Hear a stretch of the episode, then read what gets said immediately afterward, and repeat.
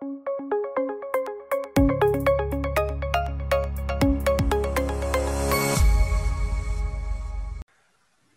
боолын өрөөтэй Идрээс подкаст ийхүү эхэлж байна. Өнөөдрийн дугаарт маш спешиал зочин орсон байгаа. Монголыг интернетийн бизнесээр, технологийн бизнесээр олон улсад бас гаргахад түүчэлж явж байгаа And Global компани захирал Анар Tech Entrepreneur хүн орж байна. And Global компани та бүхэн Lendman гэдэг аппликейшнаар нь мэдэх байх олон мянган хүнд ямар ч татлаа түтлээг үзээл олгодог ийм технологийн шийдэл байгаа. За өнөөдрийн спонсоруудын маань а нэг нэгээр нэрлээ спонсоруудынхаа хүчинд бас бид бүхэн чанартай контентийг та бүхэнд хүргэдэг ари албаны залуучууд маань цалинтай технологийн дэвшлиг бас ашиглаж энэ хүү нэвтрүүлгийг та бүхэнд хүргэдэг байгаа гэдгийг ойлгоод спонсоруудын маань бас дэмжээрэй гэж та бүхнээс хүсье. За өнөөдөр ерөнхий спонсоруудын нэг Skytel компани байгаа. Skytel компани урагшаа 2021 ураатай өвлийн урамшууллаа зарласан байгаа. 21 ГБ дата 60 мянган бонус нэгжээс сонголтоо хийгээрэй урьдчилан төлбөртэй бүх дугаарууд дээрээ 5000-аас дээш борлуулалт худалдаа авалт хийсэн бүх худалдаа авагч нартаа 21 ГБ датагаар урамшуулж байгаа юм байна. Мангар их датаг та бүхэнд өгч байгаа юм байна шүү. Skytel. За дараагийн ерхий спонсор маань Coca-Cola компани байгаа. Coca-Cola компаниг бол та бүхэн мэднэ. Багасаа л үдсээр өссөн Christmas шинэ жил гэхээр заавал Coca-Cola гэдэг лого та бүхний нүдэнд ордог байхаа гэж бодож байна. Coca-Cola а компани маань яг одооноос эхлээд 1 сарын 8-ны хүртэл хугацаатай 7 хоног болгон 7000-аас 100000 ширхэг бэлгийг хэрэглэгч нартаа өгж байгаа юм байна. Хэрэглэгч нар маань бэлгээ авахд амархан I Coke surprise. Coca-Cola-гийнхаа бөглөөг хараарай. Бөглөөн дээр маань урамшууллын код байгаа. Энэ урамшууллын код болгон 15 оноо гэж байгаа. Тэгээд энэ 15 оноогоор та бүхэн вебсайтн дээр iCoke Cigeman гэдэг вебсайт руу ороод а бүгдээрээ өглөөнийхөө дотор байгаа дугаарыг хийгээд бэлгээ авах юм биш үү. Миний дугаар болохоор юу гэж гарч ийн. Би яг одоо та бүхэнд дугаарыг Apple компьютер дээр хийж үзүүлье. За. А C T V G A Z Y Y I W. За ингээд ийм кодыг та бүхэн iCoke цэгийн дээр хийгээд бэлгээ авч болох юм байна. Surprise бэлэг гарч ирж байгаа шүү. За цаашаа явъя. За дараагийн спонсор маань Vita Grip байгаа. Өөрийнхөө төлөө өдөрт нэг Vita Grip. Мэдээж Vita Grip-ийг бол мэдж байгаа. Та бүхэн Mons үйлдвэрийг мэднэ. Эрүүл мэнд, эм одоо эрүүл мэндтэй холбоотой дэмждэг дэмжлэг болдог хүнсний бүтээгдэхүүнүүдийг үйлдвэрлэж бас чадж байгаа. Монголын мундаг үйлдвэрлэгч байгаа. Би үйлдвэрээр нь орж исэн. Супер бүр орж үйлдвэрлөө орж гарч байгаа. Агаарын урсгалыг хүртэл хяндаг. Зөвхөн үйлдвэрээс гарах урсгалтай агаартай. Айгуу мундаг ус ерөөсөө агаар орчны ариун цэвэр бол супер хангагдсан тийм маш өндөр зэрэглэлийн олон улсын стандартын үйлдвэр байт юм байлаа. Тэгээ Vitagrip болвол өөрийнхөө төлөө өдөрт нэгийг ураатай бүтээгдэхүүн байгаа. Тэгээ Vitagrip бол хүний өдөрт хэрэгцээтэй 1000 мг а витамин С-г мөн зинк гэж яригддаг. Одоо цайр гэж байгаа монголоор а яг өдөрт хэрэгтэй тунгаар нь 5 мг-аар хамттан савлчихсан. А мөн харааны бэрхшээлтэй хүмүүст зориулсан ингээд бас гараараа уншиж болдог. Ийм төрлийн анхны ийм төрлийн савлгаатай бүтээгдэхүүнийг гаргасан байгаамаа. Маш хүнлэг ийм зүйлийг сурчилж байгаад баярлалаа гэж хэлмээр байна. Vitagrip продукттай. За ингээд манай сүүлийн ерхий спонсор бол Shangri-La Mall дотор байдаг Apple-ийн дэлгүүрийг та бүхэн мэдж байгаах. Дэлхийн алдарт Apple брэнд байгаа. Та бүхэн яг одоо iPhone XR, XR SE мөн iPad Pro гэдэг бүтээгдэхүүнийг харж байна. Энэ хүү бүтээгдэхүүнүүдийг та бүхэн та бүхэн сайн electronics-ийн дэлгүүрүүдээс авч болно. Тэгээд хамгийн том Apple-ийн Монгол дахь дэлгүүр, аль биесны дэлгүүр бол Shangri-La Mall-ийн нэг давхурт байдаг. Аль биесны дэлгүүрээс авахын хамгийн чухал сайн тал нь гэвэл ямар нэг үйлдвэрлэлийн асуудал гарах юм бол та бүхэн солиулж засуулж болно. А энэ бүх спортыг нь те бүтээгдэхүүний спортыг хамтдан үзүүлдэг компани байгаа. Тэгээд Apple брендийн аль биесны бүтээгдэхүүнийг та бүхэн Shopee цэгийн-ээс аваарай. Сайн Electronics Apple брендийн аль биесний бүтээгдэхүүнийг Apple Store Shangri-La-гаас. За, манай подкаст ийхүү эхэлж байна. Спонсортой подкаст шүү. За, анар захирлаа сайн байна уу? За, сайн байна уу? За, подкастэнд урьж оруулж байгаад баярлалаа. Техникийн албаныханд нь баярлалаа. Их ажил болдго юм байна хараад исэн чи. Тэгээ сетап их их ажил болж байгааз. Байна. Их их ч нүсэр ажил болдго юм байна. Нарийн тохиргоотой юм байна. Тийм ээ. Баярлалаа. За тэгээд бас бас технологийн хүн учраас бас ингээд онлайнаар хоёлоо ярилцсанаа гэхэд бол маш найрсаг оо тгий тгий хүлээж авч илээ. Аа тэгээд манай подкаст бол мэдээж цар тахлын үеэр онлайнаар явж байгаа.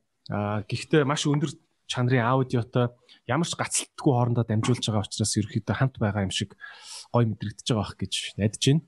Тийм байна. Үнэхээр үнэхээр гоё юм. Би ч одоо өдөр болгон л маш их онлайн хуралд орж байгаа. Гэхдээ танах бол айгүй супер байна. Энэ аудионд их өчр байдаг юм байна. Микро авах хэрэгтэй байна гэж ойлгоод чинь. Харин тий, ер нь хүн чинь айгүй тийм акустик амтан гэдэг юм байлээ.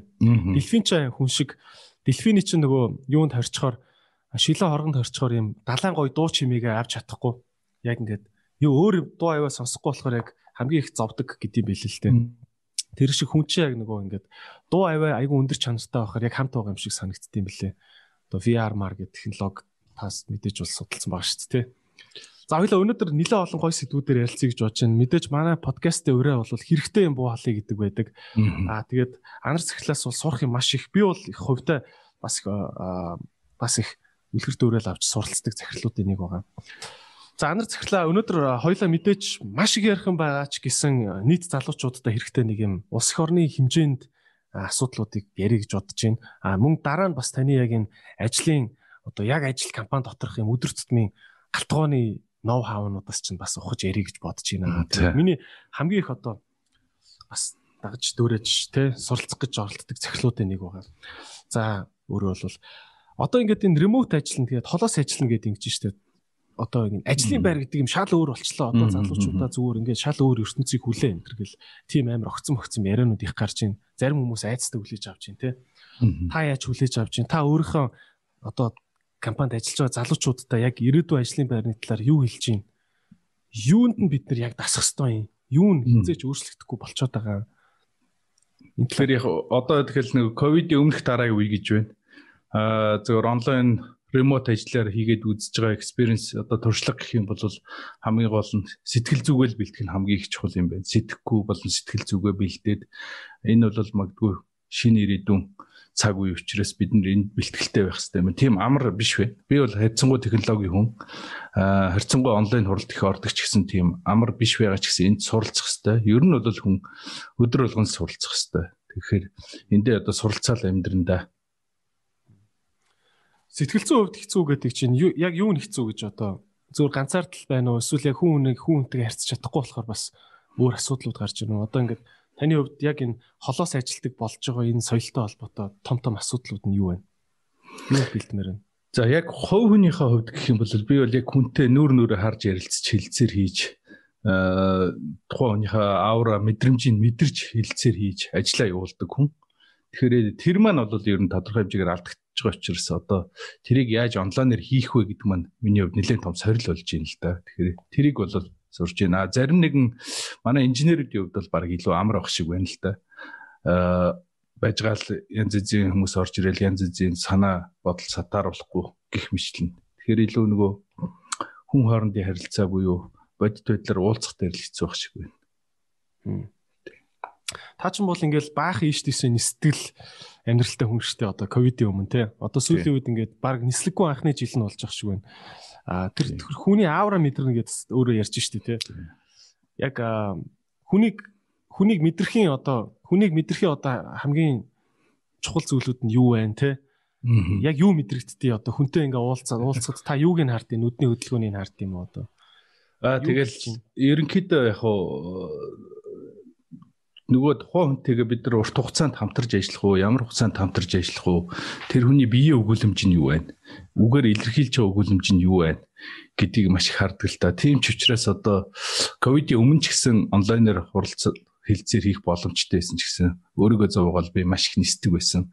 Тэг тэгжээж энэ хүнтэй ямар хугацаанд хамтарч ажиллах вэ гэдгийг тухайн хүний энергийг нь айгүйх мэдрэлдэг. Би өөрөө бол айгүй тийм өөрийгөө мэдрэмж өндөртэй хүн гэж боддог. Тухайн хүнтэйгээ янз бүрийн ертөнцийг үүсэх үзэл философи түүхийн талаар ярилцж үзчихэж за энэ хүн иймэрхүү үзэл бодол ийм алсын хараатай юм байна. Тэгэхээр энэ хүнтэй баг болж ажиллах уу, хамтын ажиллагаа хийх үү гэдэг дээр маш их цаг анхаарал хандуулдаг. Онлайн дээр бол ерөөсөө үр дүнтэй байхын тулд тэрийг эсхийг бол алгасдаг. Тэр нь бол надад ингээд дутагтаад байгаа юм. За таны бас ингээд лаглаг бизнесийн уулзалтууд орж исэн тэр ноу хаамаас ч бас сурмаар байна. Удахгүй тиймэрхүү ярианд л бас орё гэж бодож байна. Тэгэхдээ а юу танай компани талаар ерөөхдөө нэг ойлголтыг бас өгчий гэж бодож байна л да. Хүмүүс бол яг хуу ленд эмэнийг бол мэднэ шүү дээ. Ленд гээд шар улбар шар шар дөнгөтөө те шаргал өнгөтөө аппликейшн байдаг. Тийшээ ороод барьцаагүй пад гэж зээл авдаг гэдгийг бол аа And Global гэдэг компани яадаг компани бэ? Энэ нэр бас нэг олон хүн мэдэхгүй байх. Уг нь бол лендийнхэн дээр нэдэг компани тий. Орч танилцуулаач. And Global компани 16-нд байгуулагдсан. Анх э, түүхийн бол And Global компаниг ойлгохын тулд айгүйх түүхийг ярих хэрэгтэй. Тэгэхээр анх бол энэ And гэдэг маань өөр And найз нөхдүүд байгуулсан. Дандаа математикийн салбарын найз нөхдүүд нийлээд ерөнхийдөө за бидэд одоо ерөнхийдөө тодорхой хэмжээнд хөөхөн бие хүнийхээ төлөвчлийг олчлоо. Тэгэхээр улс их орныхоо ирээдүйд ямар нэг өөрчлөлт хийх ёстой. Тэгэхээр тэр маань юу ээж болох вэ гэдэг дээр маш их ярилцсан. Маш за тэрэн дотор одоо математикч Отгон Баяр бас бас нэг Отгон Баяр гээд IT математикийн салбарын хүн Болдбатар гээд бас мэдээлэл зүйн математикаар явж исэн хүн гээд за ганцхан математикийн биш хүн байсан шинэ Монгол сургуулийн захирал Наранбаяр бидэд Монгол улсын ирээдүйд яаж өөрчлөлт авчрах вэ? Одоо улс их орондоо нийгмийн хариуцлагын хүрээнд эх орон сэтгэлгээнийхээ хүрээнд ямар нэгэн нөлөөлөл үзүүлье гэж ярьсан.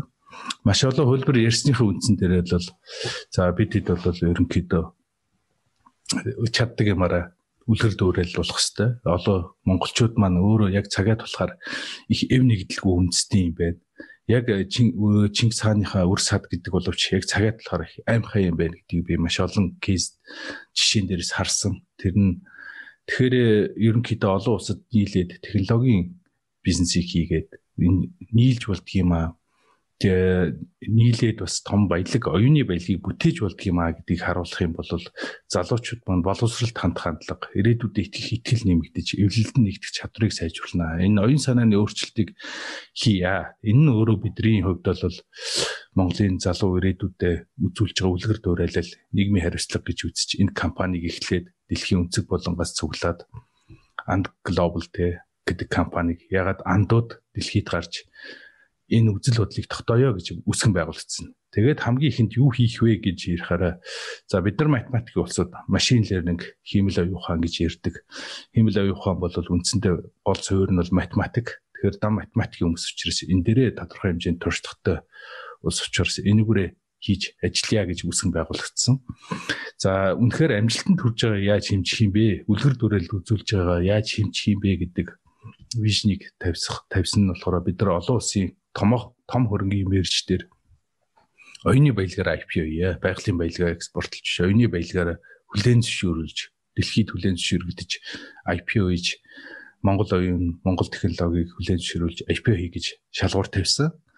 За үүнийхээ хүрээнд бид нар хамгийн ахлаад зээлийн зээлийн мэдээллийн сан буюу хэрэглэгчийн сэтгэл зүг тодорхойлоод ёс зүг сэтгэл зүг тодорхойлоод тодорхойлох алгоритм зохион бүтээгээд манай компани 16 онд бүх энэ шийдлээ банк болон банк усуудад санал болгосон боловч тухайн үед за монголчууд химэл оюуха хийн гэж юу ах уу алгоритм хийн гэж юу ах уу бид нар банкны систем хүртэл өөрөө уламжилт кредит скор хэрэглэгчийг мэддэг систем байхгүй байх үед үлгэр ирж гин гэж ярьсан.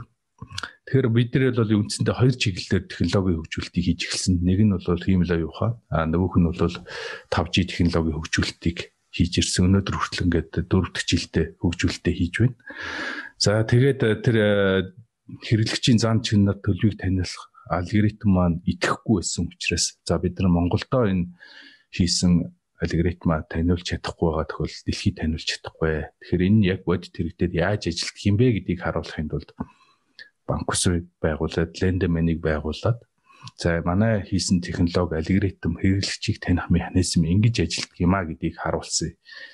Тэгэхээр өнөөдөр тухайн үед бол яг э, хүнийг харахгүйгээр барьцаагүйгээр зээл олгодог систем бол маш хавар эсэ өнөөдөр л яг магадгүй хүмүүс эн чи юу шинэ байгаа аппликейшнаар дамжуулаад зээл олгодог гэж байгаа. Маш олон төрлийн бүтээгдэхүүн үйлчлэгээ гаргасан байгаа боловч бидний хамгийн гол зөв ноу бол арт талдаа ямар алгоритм ажиллаж байгаа вэ? Тэ манай дээр бол одоо Монголд байгаа хамгийн том машин лернингийн баг ажилдаг, математикч нар байдаг. Тэгэхээр энийг таниулаад бодит үр дүнг нь үзүүлэгээ лендеменийг байгуулсан. За тэр маань болохоор үнэхээр маш амжилттай явсан. Бидний төсөөлснөөс ч амжилттай явсан. Үнэхээр манай айлгэр хийсэн бүтээл амжилттай явсан. За тэгээд дараагийн шатанд нь за одоо ийм алгоритм ингэж ажиллаж байна. Хамтарч ажиллая.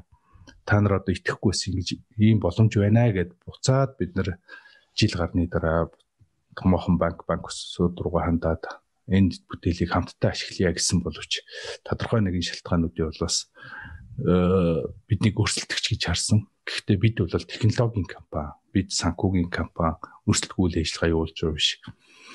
Тэг хэдийгээр тийм боловч нөгөө бидний бүтээсэн технологиг ашиглаад өөрснөө шоукейс хийж үзүүлэх гээд үлгэр жишээ болж үзүүлэх гээд хийсэн санхүүгийн байгууллага маань маш амжилттай явсан. Тэрүүгээрээ их олон нийтэд танигдчихад байгаа. Гэтэл And Global гэдэг компани маань бид одоо дөрвөн улсад үйл ажиллагаа явуулж байна. За нийтдээ финтекийн технологиор 30 гаруй төрлийн үйлчилгээ технологиг экспортлждаг. Одоо бүр энэ дараа жил бол маш их олон улсад экспортлохоор ажлууд нь хийгдэж байна. За хажуугаар нь бол бид нар нөгөө 5G технологи дээр 3 3 жил маш их суурьтай технологийн судалгаа хийсэн. Би бол өөрөө харилцаа холбооны салбарын математик зөртэй харилцаа холбооны салбарт одоо яг 19 дэх жилдээ ажиллаж байгаа хүн. Тэгэхээр энэ технологиг бол бас таниулах зорилготой. Монголчууд маань одоо хиймэл аюу хаан гэдэгт монголчууд хийж чадахгүй гэдэгт гэж байсан бол бид нар өнөөдөр тэрийг боломжтой юм аа энэ дэлхийд зөвшөөрөгдөг юм аа гэдгийг харуулчихсан. За мөн адилхан 5G технологиг хийж хөгжүүлж байгаа гэхээр хүмүүс итгэдэггүй. Тэгэхээр одоо бид нар дараагийн ээлжинд 21 онд бидний хийсэн 5G-ийн технологи энэ том системийн нэг хэсэг болоо дэлхийд экспортлох хэмжээнд хүрж байна гэдгийг харуулах бас их том ажил болж байгаа. Тэгэхээр яг олон нийтэд танигдсан юм нь одоо бидний энэ ажилдаг гэдгийг харуулсан юм Landman болохоос бид глобал компанид ороо 12 охин компанитай технологийн технологи инновацийн том хөгжүүлэлтийн баг за финтекээр эхэлсэн за одоо бол техфин болон инновац гэсэн хоёр чиглэлээр үйл ажиллагаа явуулдаг. Нийтдээ 300 гаруй ажилтан албаагчтай хамт олон бүгдээрээ дэлхийд Монгол оюуныг таниулахын төлөө зүтгэж байгаа хамт олон байгаа. За баяр үргээ ямар ч байсан ингээд Монголд бас оюуны хөдөлмөр бас экспорт болж чаддаг те. Энэ гарцыг бас нээлтж байгаа компаниудын нэг байгаа. Юуны финтекийн 30 гаруй нэр төрлийн үйлчлэгээнүүд гэдэг чинь те одоо лендимен бол мэдээж зээлдэгчийг найдвартай байна уугүй байна уу гэдгийг нь тогтоодог алгоритм тий. За арталт нь арталтанд байгаа финтек бүтээгдэхүүн гэвэл тэгж би ойлгож байгаа. А бусад ямар ямар жишээлбэл ямар ямар финтек одоо бүтээгдэхүүнийг та нар хийж байгаа вэ? А яг уу энэ өөрөө финтек гэдэг утгаараа задлах юм бол маш олон юм байгаа л да. Одоо жишээ нь Lendman гэхэд бол 10 гаруй төрлийн бүтээгдэхүүнийг ашиглаж иж энэ үйлчлэгийг хүргэдэг. Өнөөдөр корона болон Монголын эдийн засгийн нөхцөл байдал хүндэрсэн үед бол хамгийн бага default rateтэй явж байгаа шалтгаан нэгдүгürt тэр 2 3 төрлийн алгоритм явж байгаа. Бид л зүгээр нэг зээлийн мэдээллийн сангаар үнэлж ярилцагч зээл болгодгүй тухайн хүн хэрэг ёс зүйтэй байна гэдгийг тодорхойлж байна. За тухайн хүн яг энэ хүн мөн үү гэдгийг тодорхойлж байна. EKYC гэдэг маань өөрөө тусдаа бас бүтээгдэхүүн. За тухайн хүний санхүүгийн чадамжийг зам төлөвийг тодорхойлдог бүтээгдэхүүн бас тустай байгаа. Энэ нь бол өөрөө алгоритм тодорхойлохоос гадна. За тэгээд төлбөр тооцооны систем, loan origination system э за image video verification system одоо жишээ нь Филиппин улсад гэхэд манай үйлчлэгээ болохоор яг үхээр face detection хийдэг. Face detection хийж энэ хүн тухайн өөрөө мөн үү, за ямар зам төлөвөөр өөрийгөө илэрхийлж байна Яагаад тэгэхээр Филиппин улсад Монгол улсад байдаг шиг нэгдсэн мэдээллийн систем, иргэний өмнөгч байдгүй. Тэгэхээр тэд нар дээр бид нар бол одоо за энэ хүн бол өөрөө яг үнэхээр тэр Мартин гэдэг хүн мөн үү? Ямар хуу зан асуултанд хариулахаар ямар хуу зан характер төлөв үзүүлж байна. Энэ нь өөрөө санхүүгийн хэр сахилга бат хариуцлагатай байна гэдгийг тодорхойлох. За мөнс нь финтекийн экосистем гэж ярьж байгаа. Тэр экосистемийн зөвхөн инженерчл загварчлалаас гадна бизнесийн ноу хауг бид нар боловсруулж байгаа. Монгол жишээ нь одоо супер ап гэж гаргасан wallet тэр wallet маань өөрөө яаж энэ хэрэглэгчд хүрхий яаж энэ хэрэглэгчтэй бусад ажил үйлчлэгийг ингээд зовлон багтаагаар хэрэглэгчд хүргэж болохыг тэрний ард ямар зам төлөв явж яана гэдгийг судалдаг гих мэтлэн одоо яг нарийн задлах бол маш олон бүтээгдэхүүн үйлчлэгээ байгаа л да. За 5G технологи дээр ихэд бол маш том өөрчлөлт байгаа. Ягаад бид нар орж байгаа вэ гэхээр үндсэндээ өөрн харилцаа холбооны салбар гэдэг бол бүх түүхэн цаг үедээ маш нарийн технологи дор хаяж 2 3 мянган инженерүүд R&D хийж иж тусдаа хардвер, софтвер хийж гаргадаг байсан технологи. Тийм ч учраас дэлхийд ирсэн маш цөөхөн тоглогч нар байдаг. Huawei, Siemens, Alcatel гэж байсан тий ZTE Nokia гэсэн тоглогч нар байдаг. Тэр болгон жижигхэн софтверийн компаниуд энэ төрөлтөний талбар руу ордгоо байсан. А гэтэл 5G гэдэг технологи бол өөрөө бүх юм нь одоо тусдаа нарийн мэрэгжлийн технологи биш илүү софтвер тал руу хөгжсөн учраас бид нараас тэн дээр нь тодорхой хэмжээний судалгаа хийгээд ирээдүйн ший болж байгаа юм байна гэдэг дээр судалгаа хийгээд 3 жил явж исэн. Тэр маань одоо ингээд тодорхой хэмжээгээр амжилттай болоод утгагүй бид нээлттэй их гэж явж байна. За тэр 5G технологи дээр төлбөр тооцооны системийг яаж хийх вэ? Монголд байгаа өрөө холбооны компаниуд бүгдээрээ л гадаас мөнгө мөнгөөр худалдаж явж төлбөр тооцоо технологи хийдэг. Өөрөөр хэлбэл бид Монгол улс ер нь хэрэглэгч болсон болцсон байгаа. Тэгэхээр илүү бид бүтээгч бол сулахыг л зорж байгаа юм л да. Тэрнийхээ хүрээнд хийж байгаа. Тэгэхээр оюуны технологиг экспортлох буюу аутсорсинг гэдэг э, модельийг би 2002 онд л анхны компани байгуулал э, одоо хоёр дахь компани байгуулал IT паркт байхад бид нар Монгол хүний хөдөлмөрийг үнэлж гаднаас доллар оруулж чиглэлээр Монгол ус айгүйх ажилдаг байсан. Өөрөөр хэлбэл Монгол залуучууд Японы компанид Google-д очиод тий тэр баялагийг эрдмийг сураад баялагийг бүтээгээд эх орондоо баялаг оруулж ирэх. Гэхдээ тэд нар бол гүйцэтгэл хийж байгаа юмс. А бид бол илүү шийдэл боловсруулад илүү баялагийг үр дүнтэй болгох нэмэн үртэг шингээж гаргах тал дээр ажиллаж байгаа байх гэсэн үг. Тэгэхээр бид нар Монгол хүмүүсийн ажиллаж байгаа баялагийг бол аутсорс хийнэ гэдэг чинь за тухайн Японы болон Америкийн компаниудын нэр гардаг болохоос Монгол компани нэр гардаггүй. Нэмэн үртгийг нь Монгол хүний цалингийн үнэлэмжээр л тэр хүний цалинд нь гарал Монгол улсад орлого ордог болохоос биш тэр нэмэн хүртэг шингэсэн бүтээгдэхүүн орж ирдэггүй. Тэгэхээр энийг л өөрчлөхийг зориод яваад байгаа. Таны компани хувьд ер нь тэгээд яг одоо яг наад зорилттой ч холбоотой гэрэл ер нь хэр асч байна те. Одоо орлогын хэдэн өв нь яг доллараар орж ирж байна. Эсвэл ямар хуу байх уу те. Аа төсөөл байна уу одоо эх эх онуудын орлогын төсөөл ч юм уу те. Ээ яг хоо одоо эн чин яг хоо компани нууцтай холбоотой асуудал болчлоо л да. Гэхдээ бид бол яг хоо 3 жил ингээд бидний 3 жилийн хугацаанд өнгөрсөн 3 жилийн хугацаанд хийсэн юм гэхээр Монгол технологи за өөрснөө хийгээ харуулчлаа. За дахиад энийг олон улсад зарах гээд явсан. Боловч Монгол имиж гэдэг маань өөрөө их садаа болдог. Тэгэхээр э, яг энэ түүх бол бас эндээс хамааралтай. Бид нар анх бол одоо би бол өөрөө нарийн мэрэгжлийн инженер, олон улсын хурал зөвлөгөөнд ороод онготой нөгөө асуудлаар тодорхой хэмжээнд мэтгэлцэж оюунаа сорих Монголоос ирсэн гүмэд чи компьютер мэдгүй, гэр тамтирдгүй. Тэгээд мөр ундаггүй, мөр ундаггүй, мөр унж ажилдаа явдггүй гэдэг асуудал одоо бол тулгарч л байгаа. Тэгээд угаасаа Монгол үндэсний имиж энэ өөрөө нүдэлчин онгон байгаль гэдэг имиж байгаа. Гэтэл одоо улам өөр цахимжиж байгаа, өсөн дэвжиж байгаа нийгэмд энэ имиж маань одоо тодорхой хэмжээнд чадвартай залуус таниулах өөрсдөө таниулж Монгол улсаа шинэ имиж бүрдүүлэхэд садаа болдог.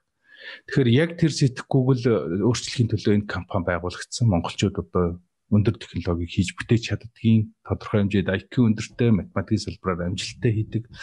Бид яг умаар өндөгч гисэн шүү орчин үеийн иргэн шүү гэдгийг харуулах зорилготой. Гэтэл яг одоо үнэхээр тэрийг хийгээд тодорхой хэмжээнд бүтээгдэхүүн гаргаад очисон ч гэсэн жишээлхэд бол байгууллагын ресепшн дээр очиод буцдаг.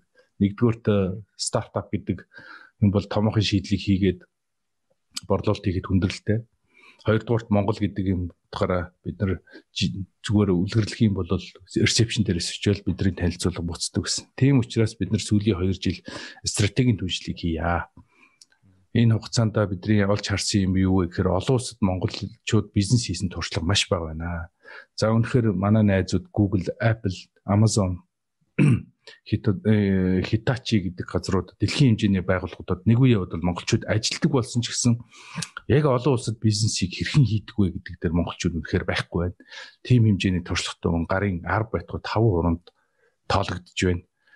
Тэгэхээр энэ дээр бол олон улсад амжилттай бизнес эрхлэхийн тулд бол бид нар олон улсад бизнес хийгээд сурцсан томоохон компаниудтай хамтрах хэрэгтэй байна гэдэг зорилго тавиад 2 жил зүтгэсэн бид нар өөрсдөө жижиг гэж голдгоо тамхан компаниудаас хөрөнгө оруулалт авч мөнгөний өсгөж өгөх ш. Та нартай мөр зэрэгцээд аа бид нар баялагийг танай компани нэр хүндийг ч өөрчлөе бид хийж чадна гэдэг хэлцээрийг хийсэн. Тэр ажил маань бол одоо маш урт удаан 2 жилийн хүнд процесс байлаа хийж чадсан. Өнөөдөр бидний хувьд юу харагдаж байна гэхээр технологи илүү олон улсын компани гэж таниулах борлуулах зарах үр таалга маань маш амжилттай нэгдсэн маш олон гэрээ хэлцээр бидний урд нь мөрөөдөж хүрч чадахгүйсэн том гэрээ хэлцээрүүд бидний өмнө хүрээд ирсэн. Тэгэхээр бид өөрсдөө таниулах гэхээс илүү хийж чадхаал харуулах цаг үе ирсэн байна. А үүнтэйгээр холбогдлолтойгоор за яг уу дор хаяж одоо 7 8 9 оронтой тооны захиалгууд явж байгаа доллараар. Тий тэгэхээр манай компани гол орлого бол дэлхийгээс орж ирнэ гэж харж байгаа. За бид бол дараагийн 3 4 жилдээ бол хийх ажил маань мундахгүй их байгаа. Магадгүй Монголын томоохон уулуурхай хэмжээний хэмжээнд валютыг импортлох захиалгын ажил хийх болцоо бол бүрдсэн байгаа. Гэхдээ энэ бол бидэнд бас хангалтгүй байгаа учраас бид нар яаж илүү баялагийг үр дүнтэйгээр оюуны баялагийг үр дүнтэйгээр бүтээх үү гэдэг дээр бас судалгаа хийгээл явж байна. Танах бол сая Marubeni гээд том Японы корпорациас хөрөнгө босглоо гэд мэдээ бол гарсан шүү дээ тийм. Тийм.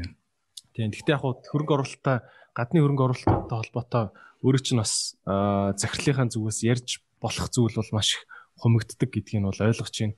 А тэгвэл ер нь бол энэ хөрөнгө оруулалттай холбоотой мэдэн дээр нэх гараагүй мэдэн дээр өрхийн бол хүмүүс уншицсан байх. Өөр ойлголт ойлголт өгч болох мэдээлүүд өгч болох уу? Аа тэгэлгүй яах вэ? Тэгэхээр яг өнгөрсөн 20 жилийн хугацаанд би стартап хийж хөрөнгө оруулалт босгосон байдаг юм байна. Тий, тэгэхээр нийтдээ 50 гаруй сая долларын хөрөнгө оруулалтыг босгосон байна.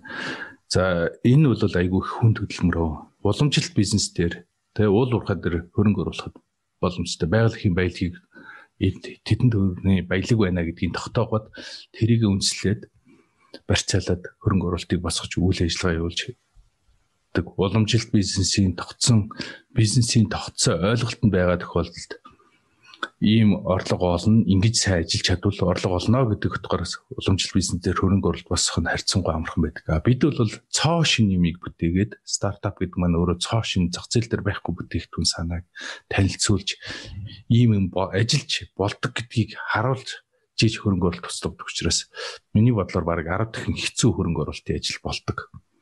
Өөрөөр хэлбэл энэ шин санаа маань энэ санаан дээр оргуу хоосон дээр хөрөнгө оруулалт босгодог. Тэгэхээр тэрнийхээ наан монголчуудад ямар асуудал байдаг вэхээр монгол хүмүүсийн технологийн бизнесийг хийж чадна гэдэг батлан харуулахыг асуудал байдаг. Тэгэхээр энэ бол маш олон хүндрэлтэй асуудал байдаг. За бидний хувьд бол яг хуу And Global компани хувьд 10 сая долларын хөрөнгө оруулалтыг бол аль 2 э, жилийн өмнө босгох болцоо байсан боловч бид илүү стратегийн түншлэгчтэй явж хөрөнгө оруулалт хийнэ гэдэг зорилгыг тавьсан. Тэгэхээр манай Хос Эрдэнэ гэдэг одоо Андгал овлын захирал сая болсон залуу маань болохоор энэ даалгаврыг авсан. Одоо өөрөөр хэлбэл Монгол шинэ Монгол сургуулийн одоо бүх цаг үеийн шилдэг төгсөгч. Хита Зубаши сургууль, Японы Хита Зубаши сургуулийн бүх цаг үеийн шилдэг төгсөгч. Японы UBS Mizuho банкнд ажиллаж исэн залууг энэ Монгол залуучуудыг танил үйл хэрэгтэй цалин нь 10 дахин бууруулад нэгдүүлсэн. За тэр залуудаа болохоор за бид бол ер нь дэлхийд өөр өөрсдөө таниулахын тулд томоохон түнштэй явж таниулах хэрэгтэй гэдэг даалгаврыг өгсөн байгаа.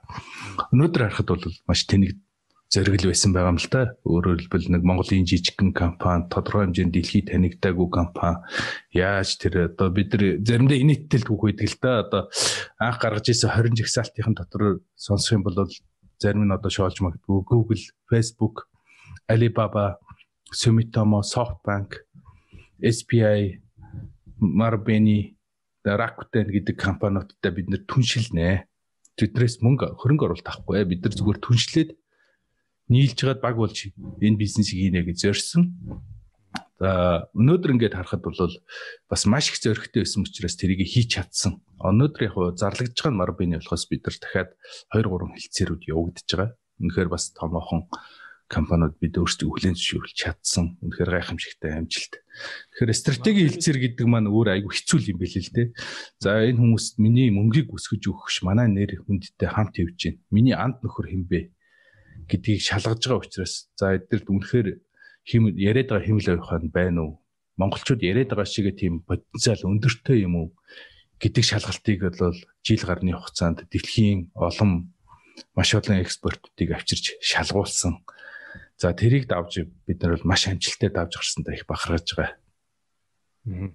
Экспертүүдийг авчирна гэхээр одоо танах руу яг хуу инженерүүд явуулаад танаа код өө тий. Тий. За security инженерүүд явуулна, хэмэл авихын инженерүүд явуулна, тэ аудитинг компаниуд явуулна, хуулийн компаниуд явуулна. Эдгээр энэ компани хөрөнгө оруулагчид нь өөрөө ёс зүйтэй хүмүүс мөн үү? Ямар нэгэн байдлаар мөнгө угаалттай холбоотой юу, бохир мөнгөтэй холбоотой юу? За энэ удирдлага нь өөрөө хэр урт хугацаанд хариуцлагатайгаар ажиллаж чадах юм бэ? За хийж байгаа химэлээвийнхных нь алгоритм үнэхээр өсөх ирээдүйтэй байна уу гэдэг утгаараа дэлхийн өнцөг болбороос инженер, санхүүч, хуульч, бизнесийн хэлцээр хийгч гээд маш олон төрлийн хүмүүсийг авчирч шалгалт хийдэг юм байлээ. Тэгээд тэр хугацаанд бол бид маш амжилттай давсан. Энэ хугацаанд бол бас бид урдны одоо 20 жилийн туршлага байсан учраас ёс ёс зүйтэй ном журмаар нь хийжсэн учраас амжилттай давж чадсан. Тэгэхгүй бол нөхдүүдийн хувьд одоо Монгол гэдэг имиж чинь нөгөө талаас барбариан гэж харагддаг. Олон улсын бизнесийн салбарт одоо мортон дээрэмчд гэж харагддаг. Тэгэхээр одоо жишээ ч гэсэн маш их ихтэй одоо олон улсын хөрөнгө оруулагчдыг дээрэмддэг асуудал хөгжиж байгаа улс болгонд байдаг. Тэгэхээр тэр дүр зураг имижийг өөрчлөх гэж гэрээгээ хичээл монголчин бас нэг тийм муу нэртэй болчиход байгаа шүү дээ. Гадны хөрөнгө оруулагч нартай гэрээ хийгээд Монголдо нөгөөх нь хамаг мөнгөө бариад ирэнгүүт нь яаж хийж байгаад нэг хүчин мүчин ч юм уу нэг сони эрэх толгойтуулаад хилээр гарах эрхийн хаана маань гэж цагдаагаар айлгаад тий. Тий. Тэ хөөгө гаргадаг жишээнүүд их олон сонсогддог шүү дээ бас тий. Бизнес айгу ёс зүйн хүмүүс гэдэг жишээ бас их гадуур бас тарцал юм хэлээ л дээ тий. Тий. Олон улсад яг хөрөнгө оруулалт аваад хамтын ажиллагаа хийх гэхээр Монгол өөрөө маш жижигхэн зарим нэгэн улсын нэг багахан хотын хэмжээний хүн амтай зах зээлийн багтаамжтай улс. Тэр утгаараа бол Монголд бол хөрөнгө оруулах гэдэг бол олон улсын томоохон компаниудын хувьд бол маш их зориг тэгээд их байдаг. А гэтэл э, тэрэн дээр нь иймэрхүү ойлголттой болохоор хөрөнгө оруулах сонирхол маш багатай. Тэгэхээр орчин үед бол хөрөнгө оруулалт гадны хөрөнгө оруулалт орж ижил улс өх орн хөгждөг. Тэгэхээр тэрийг одоо ойлгуулахын тулд одоо бид нар э, магадгүй зарим үед одоо улсынхаа бодлогыг ирээдүй алсын харааг танилцуулж ирээдүйтэй улсаа гэдгийг Монгол залуучууд ирээдүйтэй Монгол улс ирээдүйтэй гэдгийг хүртэл хэдийгээр манай компани гол зорж байгаа зах зээл дэлхий орлого дэлхийгээс орж ирдэг ч гэсэн бид монголчууд чаддгаа гэдгийг баталж харуулахын тулд бараг л хамаг цагаа өртгөл дээ 80 90 өв. Тэгэхээр дараа дараагийн маань залуу үе маань энэ зовлог битгий давтаасай л гэдэг нь манай компани зорилго. Аа. Маш гоё сонсогдож байна.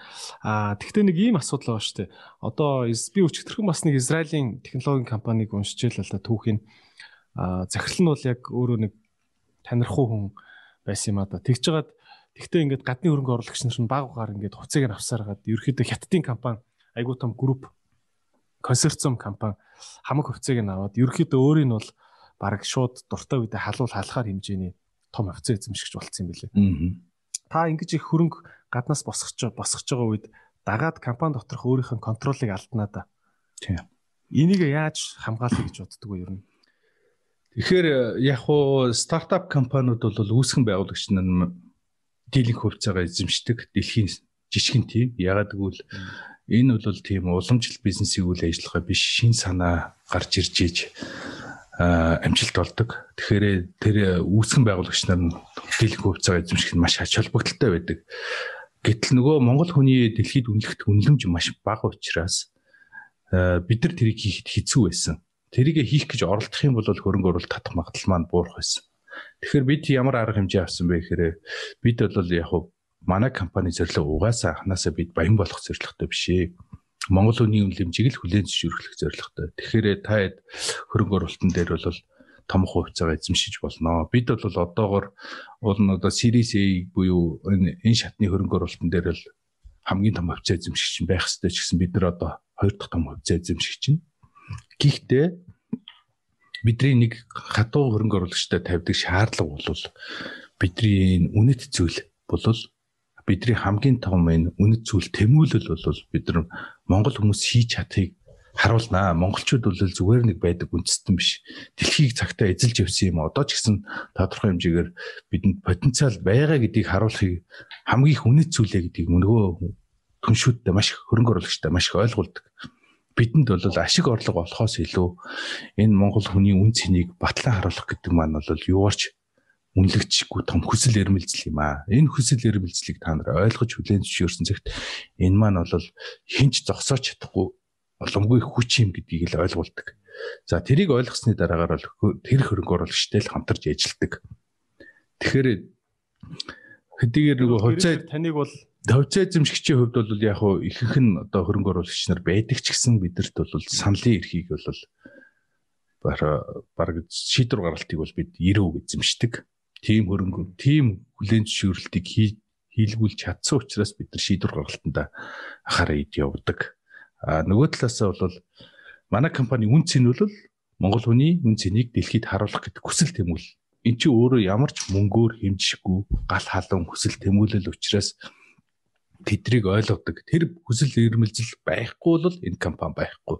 Тэрнээс бидэнд ямар нэгэн барьцаалах хөрөнгө байхгүй, мөнгө байхгүй. За технологи маань ч гэсэн бид нэр 100 мянган интег инженер, 100 хятад инженерүүд 30 сая доллараар хийж чадхал технологи. Гэтэл энэ хүсэл хэлмэлцлийг бид нэр үнэлүүлж чадсан нь өөрөө гайхамшигтай л да.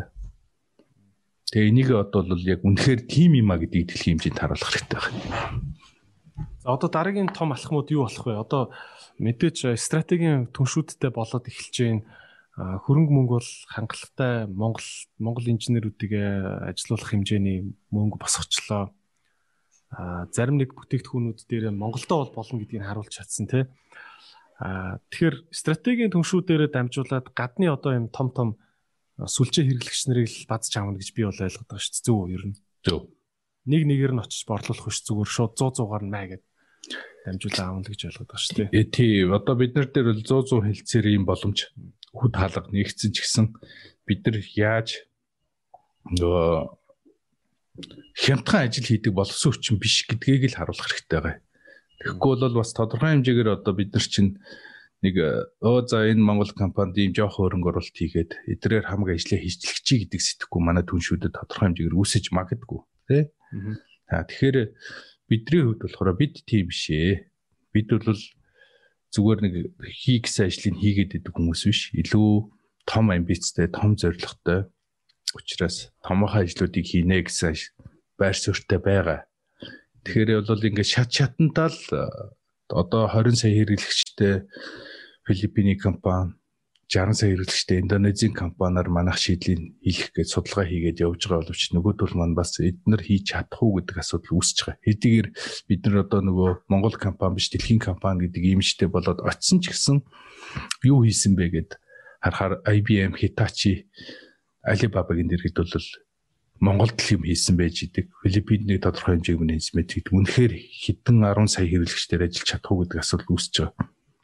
Тэгэхээр тэрийг хийгээд одоо субботник гэж ярддаг штэ.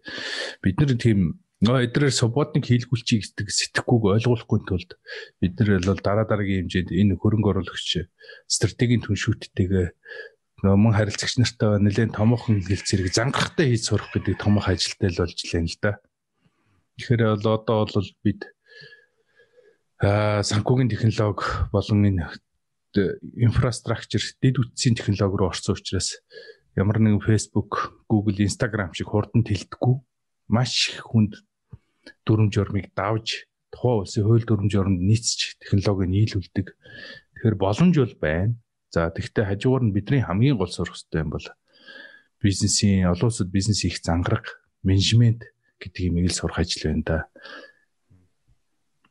Тэр нь одоо яа гэсэн үг танах хэр явж чинь тэр тал дээр а одоо жижигхэн улсаас очоод тий сая хэрэглэгчтэй улсаас очоод 60 сая хэрэглэгчдэд зориулж юм хийх гэж байгаа хүн одоо ингээ хурал дээр юу гэж хэлэх одоо яаж өөрийгөө чадна гэдгийг харуул тэр зангараг нь одоо хаанаас гарч ирэх үү те тий Одоо тэрэн дээр бол яг хуу тодорхой хэмжээний стартап анхан шатныхаа үед бол үүсгэн байгуулагчдын зан чанарыг их хардаг. Тэ энэ хүн хийж чадах юм байна. Яасан ч хийж чадах юм байна. Одоо нэг Rocky гэх кино байдаг шүү дээ. Sylvester Stallone-тэй болсон. 12 зодуулчаал сүүлийн үед нь босч ирээ зодчдаг. Тэгэхээр тэр потенциалыг л стартапуудаас анхны үед нь хардаг. Энэ үүсгэн байгуулагч нь яаж дампуурч, яаж ч хэцүү болж, яаж ч байсан шүдэ зугаад босч ирээд юм хийж чаддгүй юу гэдгийг хардаг. А гэтэл манайх одоо стратегийн түншлэгчтэй болсон үедээ тэр Анар Болдоо манай Батхан Баяр гэдэг үсгэн байгуулагч нар тэдний хэн байгаад баатар байх нь ерөөсөө хамаагүй болчдөг. Ягаад гэвэл маш том цар хүрээтэй үйл ажиллагаа явуулдаг. Маш том үүрэг хариуцлага арт талдаа бол 10 20 мянган хүний ажлын байрын асуудал яригдж явж идэг. Нэр хүндийн асуудал, дэлхийн хэмжээний нэр хүндийн асуудал явж идэг учраас орчин үеийн олон улсын менежмент хийж чаддгүй юу гэдгийг л шалгадаг. Тэгэхээр тодорхой хэмжээгээр манай компани бол энэ дээр маш их олон гадаадад энэ чиглэлээрээ дотооддоо proper буюу зөв менежментийг хийж ёс зүйтэй бизнес зөв менежментийг хийж сурсан хүмүүсийг цуглаасан учраас амжилттай давж байгаа. Гэхдээ л бид нэр суралцах зүйл маш их байгаа. Энэ сургалтандаа л маш их сууж байна. Олон улсад бизнесийг яаж ёс зүйтэй хийдгийг, яаж мэрэгжлийн түвшинд хийдгийг. За энэ нь өөрөө ганц удирдлагын түвшинд эхэлдэг. А энэ хамт олондоо бүх хүнийхээ үзүүрт хүрнэ гэдэг айгүй хэцүү л да. За энэ нь бол яг одоо бидний харж байгаагаар баг хамгийн том сорил болж явах шиг байна одоогор. Бид хийж чадна гэдгийг харуулж тодорхой хэмжээнд хүлээн зөвшөөрөгдсөн. А гэтэл яг үнэхээр хийх гээд эхлэнгүүт монголчууд маань хийж чадах уу гэхээр нөө монгол хүний үндсэн унган нөө бэлэг танхаа гэдэг цан чанар маань нэлээд садаа болж ил да. Ном журмаар нь хийх, хариуцлагатай байх, ёс зүйтэй байх, гэдэг асуудлууд бол их хэцүү л байна л да. Одоо тэгэхээр яаж монгол хүнийхээ онцлогийг харуулж энийг давуу тал болгож ашиглах уу гэдэг судалгааг хийсээрээ л одоо бид компанийнхаа монгол хүний л угаасаа үн цэнийг баталж харуулахын төлөө байгаа компани маань илүү технологийн судалгаа гэхээс илүү монгол хүний identity юу юм? Монгол хүн ямар зан чанартай, тэрийг нь ямар онцлог чанартай гэдэг тийм хайгуулын ажилт их цаг аварж байна. Ер нь бол 4 жилэл хайж байна. Ян зүрээр туршиж үзээ. Тий, ян зүрээр туршиж үзэж байна. Наад асуултыг чинь яа л та бүр нэг бацаад хоёлоо ярил л та. Аа За Монгол хүн хүн олноороо нийлээд менежмент хийгээд тэр олон хүний ингээд дундаас яг нэгдмэл тийм хүн болгонд байдаг зан чанар нь нийлээд ингээд одоо нэг бүтээгдэхүүн болж гарах гэдэг шүү дээ тий. Тий. Монгол хүний identity гээд байгаа тэр онцлог танигдах тэмдэг нь яг юу юм? Монгол хүн гэж ямар хүн байдیں۔ те. Одоо бол яг одоо нээчээг баг л та. Одоогийн байна. Манай компани зорилгын хувьд бол ерөөсөө тэр Монгол хүний үн цэнийг дэлхийд таниулах. Тэхийн тулд яг монгол хүн өөрөө юуаараа давуу талтай юм бэ гэдгийг монгол хүний identity гэдгийг олж иж тэрний давуу талыг харуулж тэрийг ашиглах нь маш их чухал байгаа. Тэгэхээр би одоо Инко цэхэрлэлт хоёрын подкастыг их үзсэн л дээ. За инко цэхэрлээс нэлээ хариу гарч ирэх байх гээд нэлээ харлаа. Чи бол яг тэр хариулт авчдаг учраас дөрөв удаа асууж илээ. Тэгэхээр яг одоо инко цэхэрлэл бол миний бодлоор хангалттай хариулж чадаагүй. А би манай компани бас тэрийг мэдхгүй хай. Хайсаар л яваа. За яалтчгүй л одоо Монгол хүнд дэлхийн хүн болоход давуу тал үнэхээр миний бодлоор одоохондоо байхгүй байна. Гэхдээ тэр давуу чанарыг үүсгэх ёстой юм байна гэж л бододдаг болоод байгаа сүүлийн үед. Жишээ нь одоо монгол хүн бид нар бол онгон зэрлэг байгальтай. Монгол хүн задгаа сэтгэдгээ гэж ярьдаг. Гэтэл яг үнэхээр бол энэ дэлхийгээр маш их олон газараар яваад үдцсэн хүмүүсийн хувьд бол Монгол ганцхан онгон зэрлэг байгаль хөх тэнгэрт улс биш ээ гэдгийг мэднэ. Юу Монгол байтугай сайхан үзэсгэлэнд байгаль байна. Тэгэхээр энэ за задгаа сэтгэдэг нүүдэлчин IQ өндөртэй арт түмэн гэждэг. За задгаа сэтгэхэд IQ өндөртэй арт түмэн бол яагаад өнөөдөр ийм ядуу бороо улсын тоонд орж явна вэ? Асар их байгалийн баялагтай байж идэг. Тэрийг үр дүнтэй яхад ашиглаж чадахгүй байна вэ? гэд үзэхээр бас одоо тэр бол үнэхээр яг ингээд математикч хүний тоон баримтаар харах юм бол тийм биш. Үнэхээр газар нутагчгүй тэр Израиль яагаад үндсэн ямар ч байгалийн баялаггүй Эстониягад дэлхийд танигдж байгаа юм гэдгийн дэргэд бол бид бол хитрхи эрх хүн эрх таньх үндэстэн л дээ. Тэгэхээр өнөхөр энэ их нормал тийм байх боломжийг л олгож л байна.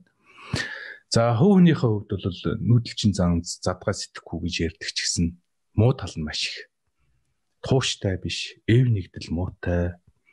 Тодорхой хэмжээгээр нэг эго их өндөртэй, хөөний эго өндөртэй. Энэ бол өөрөө нүүдэлчин зан сэтгэхгүйд их байдаг юм. За яа ингээ сайн тал нь гэсэн үзэл те.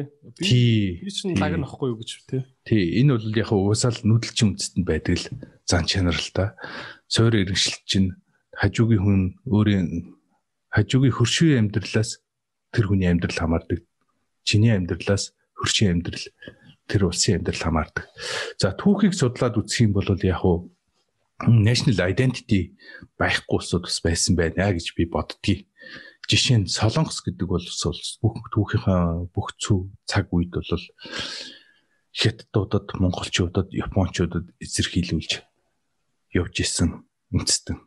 А гэтэл өнөөдөр бол дэлхийн маш өндөр хөгжилтэй гайхамшигыг бүтээдэг улс болсон. А тэгэхээр тэр улсад бол ерөөсөө national identity мон солонгос хүн яв вэ гэдэг имийг айгүй сайн тодорхойлж чадсан. Цаг цаг үеэрээ. Тэгэхээр тэрний эрэлхийлэлд бол дэлхийн 2 дугаар дайнаас солонгосчууд дэлхийд дээр залуучуудаа тараагаад буцаагаад татж авчираа тэр залуучууд нь үндэсгээр үндэсний байх хамшиг баялагыг томоохон пүс компани корпорациудаараа бий болгож байгуулсан гэж боддог. Samsung, LG, Hyundai.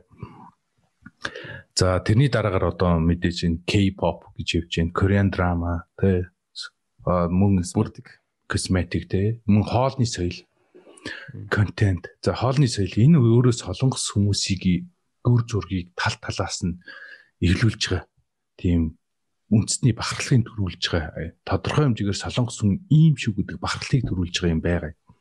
За хятад улсын хувьд аваад үзэх юм бол төр засгийн нэг бол маш гайхамшигтай, маш удаан хугацаагаар хийж байна. Магадгүй одоо 20 30 жилийн өмнө хятад үндэстэн гэдэг бол хамгийн ядуу буурай хамгийн чанаргүй юм хийдэг гэдэг ойлголт дэлхийд дээр байлаа. А гэтэл өнөөдөр бол хятад хүн маш их үндэсний бахархалтай өөрснөөрөө бахархдаг болсон. Дэлхийн тэргүүлэгч гүрнүүдийн нэг болсон. Технологиороо дэлхийд номер 1 болсон. Финтекер бол бүр маш хол тазархаа хөгжсөн. За тэр имижийг бол маш олон талаас нь төр засаг хувийн хвшлэн хийж байна л да. Панда гэдэг бахархал болгож байна. Кунфу гэдэг дэлхийн тулааны урлагийн гайхамшиг болгож байна.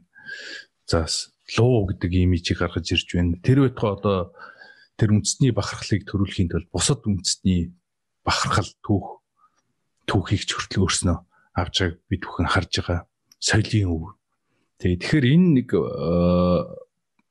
Монгол identity гэдэг юм үүсгэх ёстой юм шиг байна. Бид монголчууд яга хийж чадахгүй гэхээр яг өнгөрсөндөө яваад байгаа.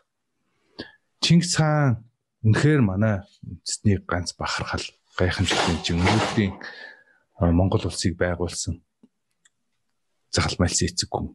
А гэхдээ эн чинь 800 жилийн өмнө шүү дээ. 800 гаруй жилийн өмнө байгуулсан. Яагаад бид нэр өнгөрснөөрөө бахархаасаа гадна өөрснөө тэр бахархлыг бүтээхгүй байгаа юм бэ? Тэр асуудалтай л байна л да. Яг тийм бахархлыг ярих юм бол улс болгонд байдаг.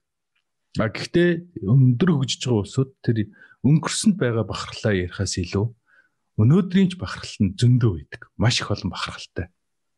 Одоо Хятад ч, Япон ч, Солонгос ч, Америк, Англи ч гэсэн өнгөрсөндөө бахархах юм бол маш олон бахархал байгаа шүү дээ. Чингис хаантай маань энд үцгүүц бахархал. Гэхдээ тэдэнд өнөөдрийн бахархал гэж бас байгаа. А бид өнөөдрийн бахархал байна уу?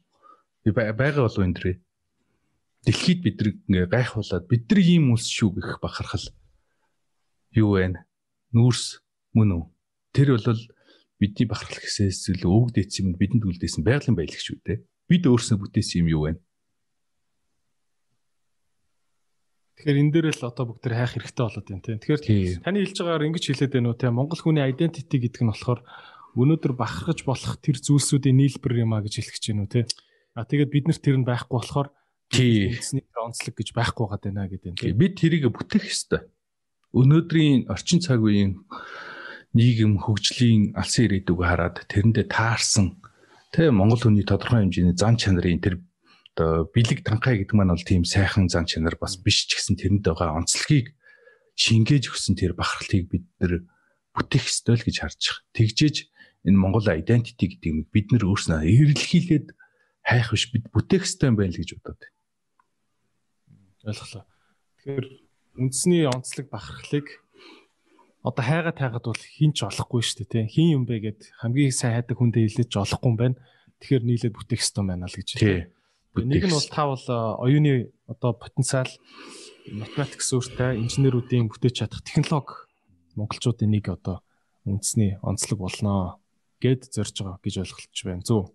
Тий, одоо тэрийг үлгэрлэн дуурайлж бид нэг туг дарцаг болох гэж зорж байгаа юм. А гэхдээ эргээгээ тоон баримтыг аваад үзэхээр Монголын хүн ам бага боловсролын систем маш доройтсон. Яг бид нар э, монголчууд социализмын системийн үеийн боловсролын сайн суурин дээр бэлтгэгдсэн. Одоо тэр нөгөө манай залуу ихний хамгийн муу хэлдэг 70 80 оных нь л суур боловсролтой сайн байгаа. За шин залуу үеийнхэн маань бидрээс маш онцгойгоор сэтгэдэг боловч суур боловсролын асуудал айгүй хүндрэлтэй нэ. Энэ аа манайха одоо өөрснөө маш их олон хүмүүс багш хийдэг тий би тэр одоо математикийн олимпиадын орооны би ерөнхийлөгч идэг. Монгол улс өөрөө төхөндөө байхгүй олон гайхамшигтай медалийг авж байгаа ч гэсэн нийтээрээ бол математик суур боловсрал маш их муутцсан байгаа. Тэгэхээр ирээдүйдээ тэрийг ингээд маш их боловсролын салбар дээр сэтгэхгүй асуудал дээр өөрчлөлт хийхгүй бол энэ маань нэг тийм 10 жилийн дараа давуу тал болж чадахгүй. Яг гэвэл дараагийн залгамж халаа маань энд бэлтгэдэггүй байгаа байхгүй. Яг тэгвэл тийм боловсролын систем байхгүй. Яалтчгүй нэг амьдралын боломжтой чанга хүсэл тэмүүлэл эрмэлзэлтэй хүүхдүүд л амжилт гаргаж байгаа боловч нийт хүн амд аваад үтсэх бол энэ маш муу л байгаа юм л да. Математикийн багш нар ер нь юу гэж ярьж ах юм? Одоо математикийн олимпиадын холбоо тий хороо гэж. Тий хороо. Тий. Хорооны ерхийлэгч гэж байгаа. Аа нийтээр нийтээр математикта муудаад байна гэдгийг юу ямар ямар тоонуудаар илтгэж байна? Юу болоод байна ер нь энэ тал дээр? Тэр сүр яг хоо математик дээр аваад үсэх юм бол математик гэдэг бол шинжлэх ухааны үндэс суурь. Тэгэхээр орчин үед эцэг гэх болон яагаад гэвэл нэг 90 оны нухчааны үеэс үүдэлтэйгэр суурь боловсрлоор яваад математикт онц сураад би ямар ч амьдрал дээшлсэнгүй гэдэг буруудан хайдаг А гэхдээ энэ бол нийгмийн нухчаа. А гэтэл математик гэдэг юм математикч хүн болгон математикч болох албагүй. Математик гэдэг ганц математикаар тогтохгүй маш олон суурь шинжлэх ухаанууд хүнд хувь хүнийг бие хүн төлөвшөхөд бие хүн болж төлөвшөхөд ертөнцийг үүсгэх үзлэг болж төлөвшөхөд тэр э, логик сэтгэлгээ хөгжүүлдэг үндэслэлтэй бодит сэтгэлгээ хөгжүүлэхэд хамгийн суурь нь болж өгдөг. Ямар учраас энэ үнэн бодиттой юу? гэдгийг суйрлуулж өгдөг. Тэрийг л зааж өгдөг. Тэрнээс тэр хүн болгон математикч болоод хүн болгон хиймэл ухааны инженер болоод тэрийг амьдрал дээр хэрэглэнэ гэж байхгүй. Математик бол үндсэндээ тэр хүнд логик сэтгэлгээг л хөгжүүлж өгдөг. А энэ логик сэтгэлгээ алдагдсанаас үүдээд популизм газар авч байгаа. Хуурамч мэдээ газар авч байгаа. Туушрал газар авч байгаа. Энэ нь өөрөө нийгмийн тодоргүй байлыг бий болгодог. Хуурамч мэдээ явахад тэрэн дээр ямар их сурвалж үндсэлтэйгээр мэдхгүйгээр итгэдэг тэр нь өөрөө нийгэмд маш их аюултай. За энэ нь бол бүр наад захын асуудал болчиход байгаа юм. За одоо ингээд олимпиадад бол Монгол хүүхдүүд үнэхээр за шинэ Монголын хүүхдүүд цанц сургуулийн хүүхдүүд 1.1 амжилт гаргаж байна. Гэхдээ яг нийтээр нь аваад үзэх юм бол математикийн шалгалтанда тэнцдэг хүүхдүүд 10 20 жилийн өмнөхөө бол маш их муудсан. А эцэг гэх ч гэсэн хүүхдээ маш яг нийгэмтэйг харьцуулах юм бол математикийн ач холбогдлыг их ойлгохоо болсон. Цөөр шинжлэх ухааныг ойлгохоо болсон. Илүү бизнес өнгө мөнгөний хороор чиглүүлдэг болсон. Энэ өөрөө бол яг уу тодорхой хэмжээнд тэдгэр эцэг нь хүнд цаг үеийг давснаас үүдсэн асуудал байхдах. А энэ алстаа бол тэр хүний бие хүнд болж төлөвшөх Монголын ирээдүйд бол асар хортой л байгаа юм л да. Тэгэхээр энийг яаж өөрчлөх вэ гэдэг дээр бид бас Монголын математикч нар математик олимпиадын хороо бүх багш нар нэгдээд зөндөл ажил хийж л байна л да. Ер нь математик бол одоо хим наацхан хим үзээд ирлээ гэхэд тэгштгэл бодоод эхэлдэг шүү дээ тий. Аа ер нь бүх юм математикаар илэрхийлэгддэг, тоогоор илэрхийлэгддэг, тоогоор илэрхийлэгдсэн бүх юм эцсийн яг үнэн гэж батлагддаг тий. Ер нь тэгэхээр хим, физик, биолог, математик энэ төргээд яг байгалийн суурь шинжилгээ ухаанууд бол амар ах нь бол чухал л да. Ер нь тэгээд гадны бас сургуулиудаар явж байхад бас амар гэдэг шүү дээ. Тэр хүүхдүүдэд ямар багаас нь ямар амар бэлдэж байна гэж Монгол хүүхдүүд юу н алдсаж чадах юм уу гэж бодогдтол авдсан шүү дээ. Тэр бол үнэхээр яг тэгж харьцуулах юм бол хэцүү л дээ. Өдөр шөнөгүй хичээлээ хийж байна. Ялангуяа тэр байгалийн шинжилгээ ухаан гэдэг маань өөрөө математикт энэ зэрэгцгүүч ач холбогдолтой. Таны мэдгүй. Гэтэл тэр маань бол үндсэндээ одоо ингээд баг байхгүй болчиход байна л да. Тэг. Уг нь ус даяарал ус даяарал бүр нэгдүгээр ангиас нь эхлээл дайнд бэлдэж явах хэрэгтэй шүү дээ нүү. Тий, орчин үеийн зах зээлийн дайн шүү дээ. Тий, орчин үеийн дайн гэдэг чинь тий төмөр зам цэрэг биш цахим ертөнц шилжиж гисэн хүмүүсийн толгой боловсрал шилжижсэн аль ирчилсэн шүү дээ. Тий. Тий, ямар улс хүчрэг байна вэ гэхээр боловсралтай, ухамсартай, иргэд технологитой иргэд нь хүчрэг байна. Би сайн нэг ийм тоо уншлаа л та Америк нэгдсэн улсын залуучуудын 28% гэсэн баха. Бараг л 3.1 шүү дээ. Аа. Эдийн засаг нь яаж ч өөдлөөд тэр залуучуудын амьдрал сайжирдгүү гинэ. Аа. Яагаад гэсэн чинь суур тэр хүмүүжил юу муутай. Санхүүгийн тэр цахилга бат муутай. Аа. Улс их орн нь сайхан ингээл болоод та баахан экспорт хийгээл идэг хийгээл идэг. Яг үндэ залуучуудын 3.1-ийн амьдрал өөдлөхгүй байна. А гэтэл Герман Герман улс яаж ч хямдрал хямрал болж исэн гэсэн 100% баг иргэдийнх нь 100% нэг хямардгүй. Бүгдээрээ хадгаламжтай бүгдээрээ тааруулаад мөнгө өрдөг. Бүгдээрээ юм авахаараа шинжлэх ухааны айгүй үндэслэлтэй тооцоолж жагаад авдаг. Дандаа эрүүл мэндэ бодсон юмыг байгалийн шинжлэх ухааны мэдлэгтэй болохоор одоо энэ витагрипийн цайртай витамин С гэдэг шиг дандаа ингэж бодож авдаг те.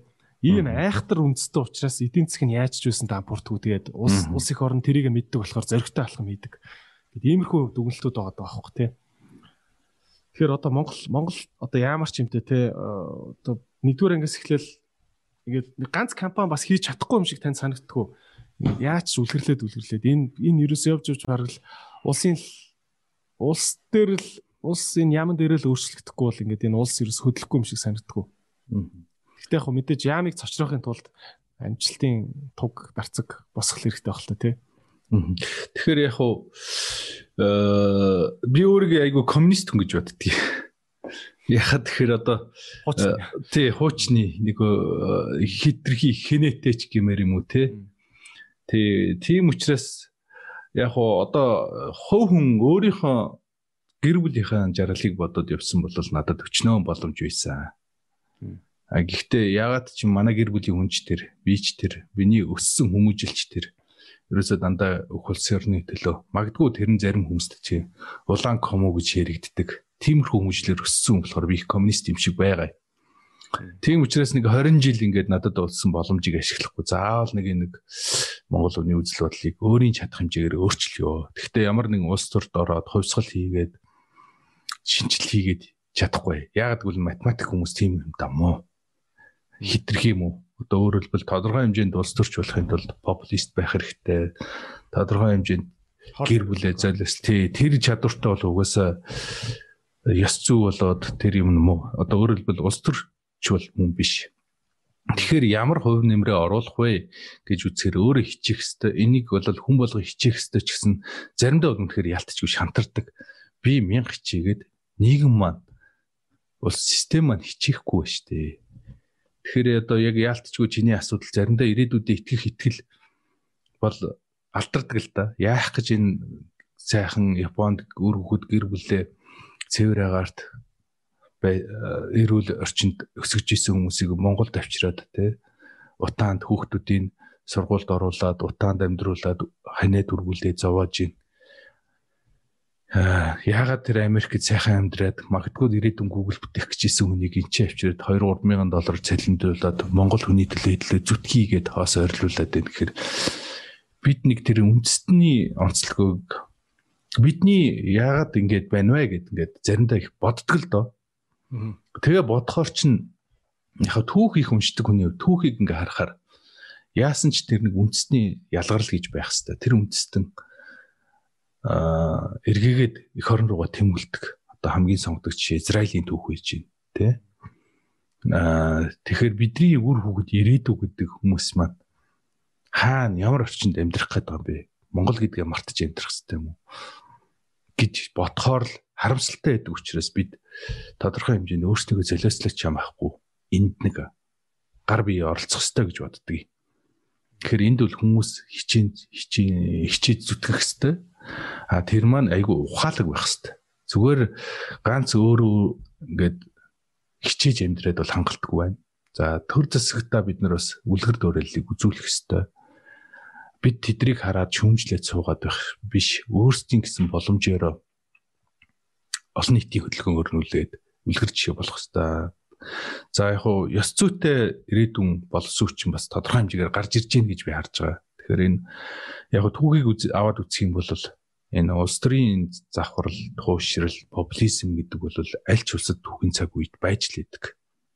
Байж л байсан. Энэ ганц Монгол тохиолдод байгаа юм биш. Тэгэхээр Монгол улс өөрөө одоо 30 жил болж штэ.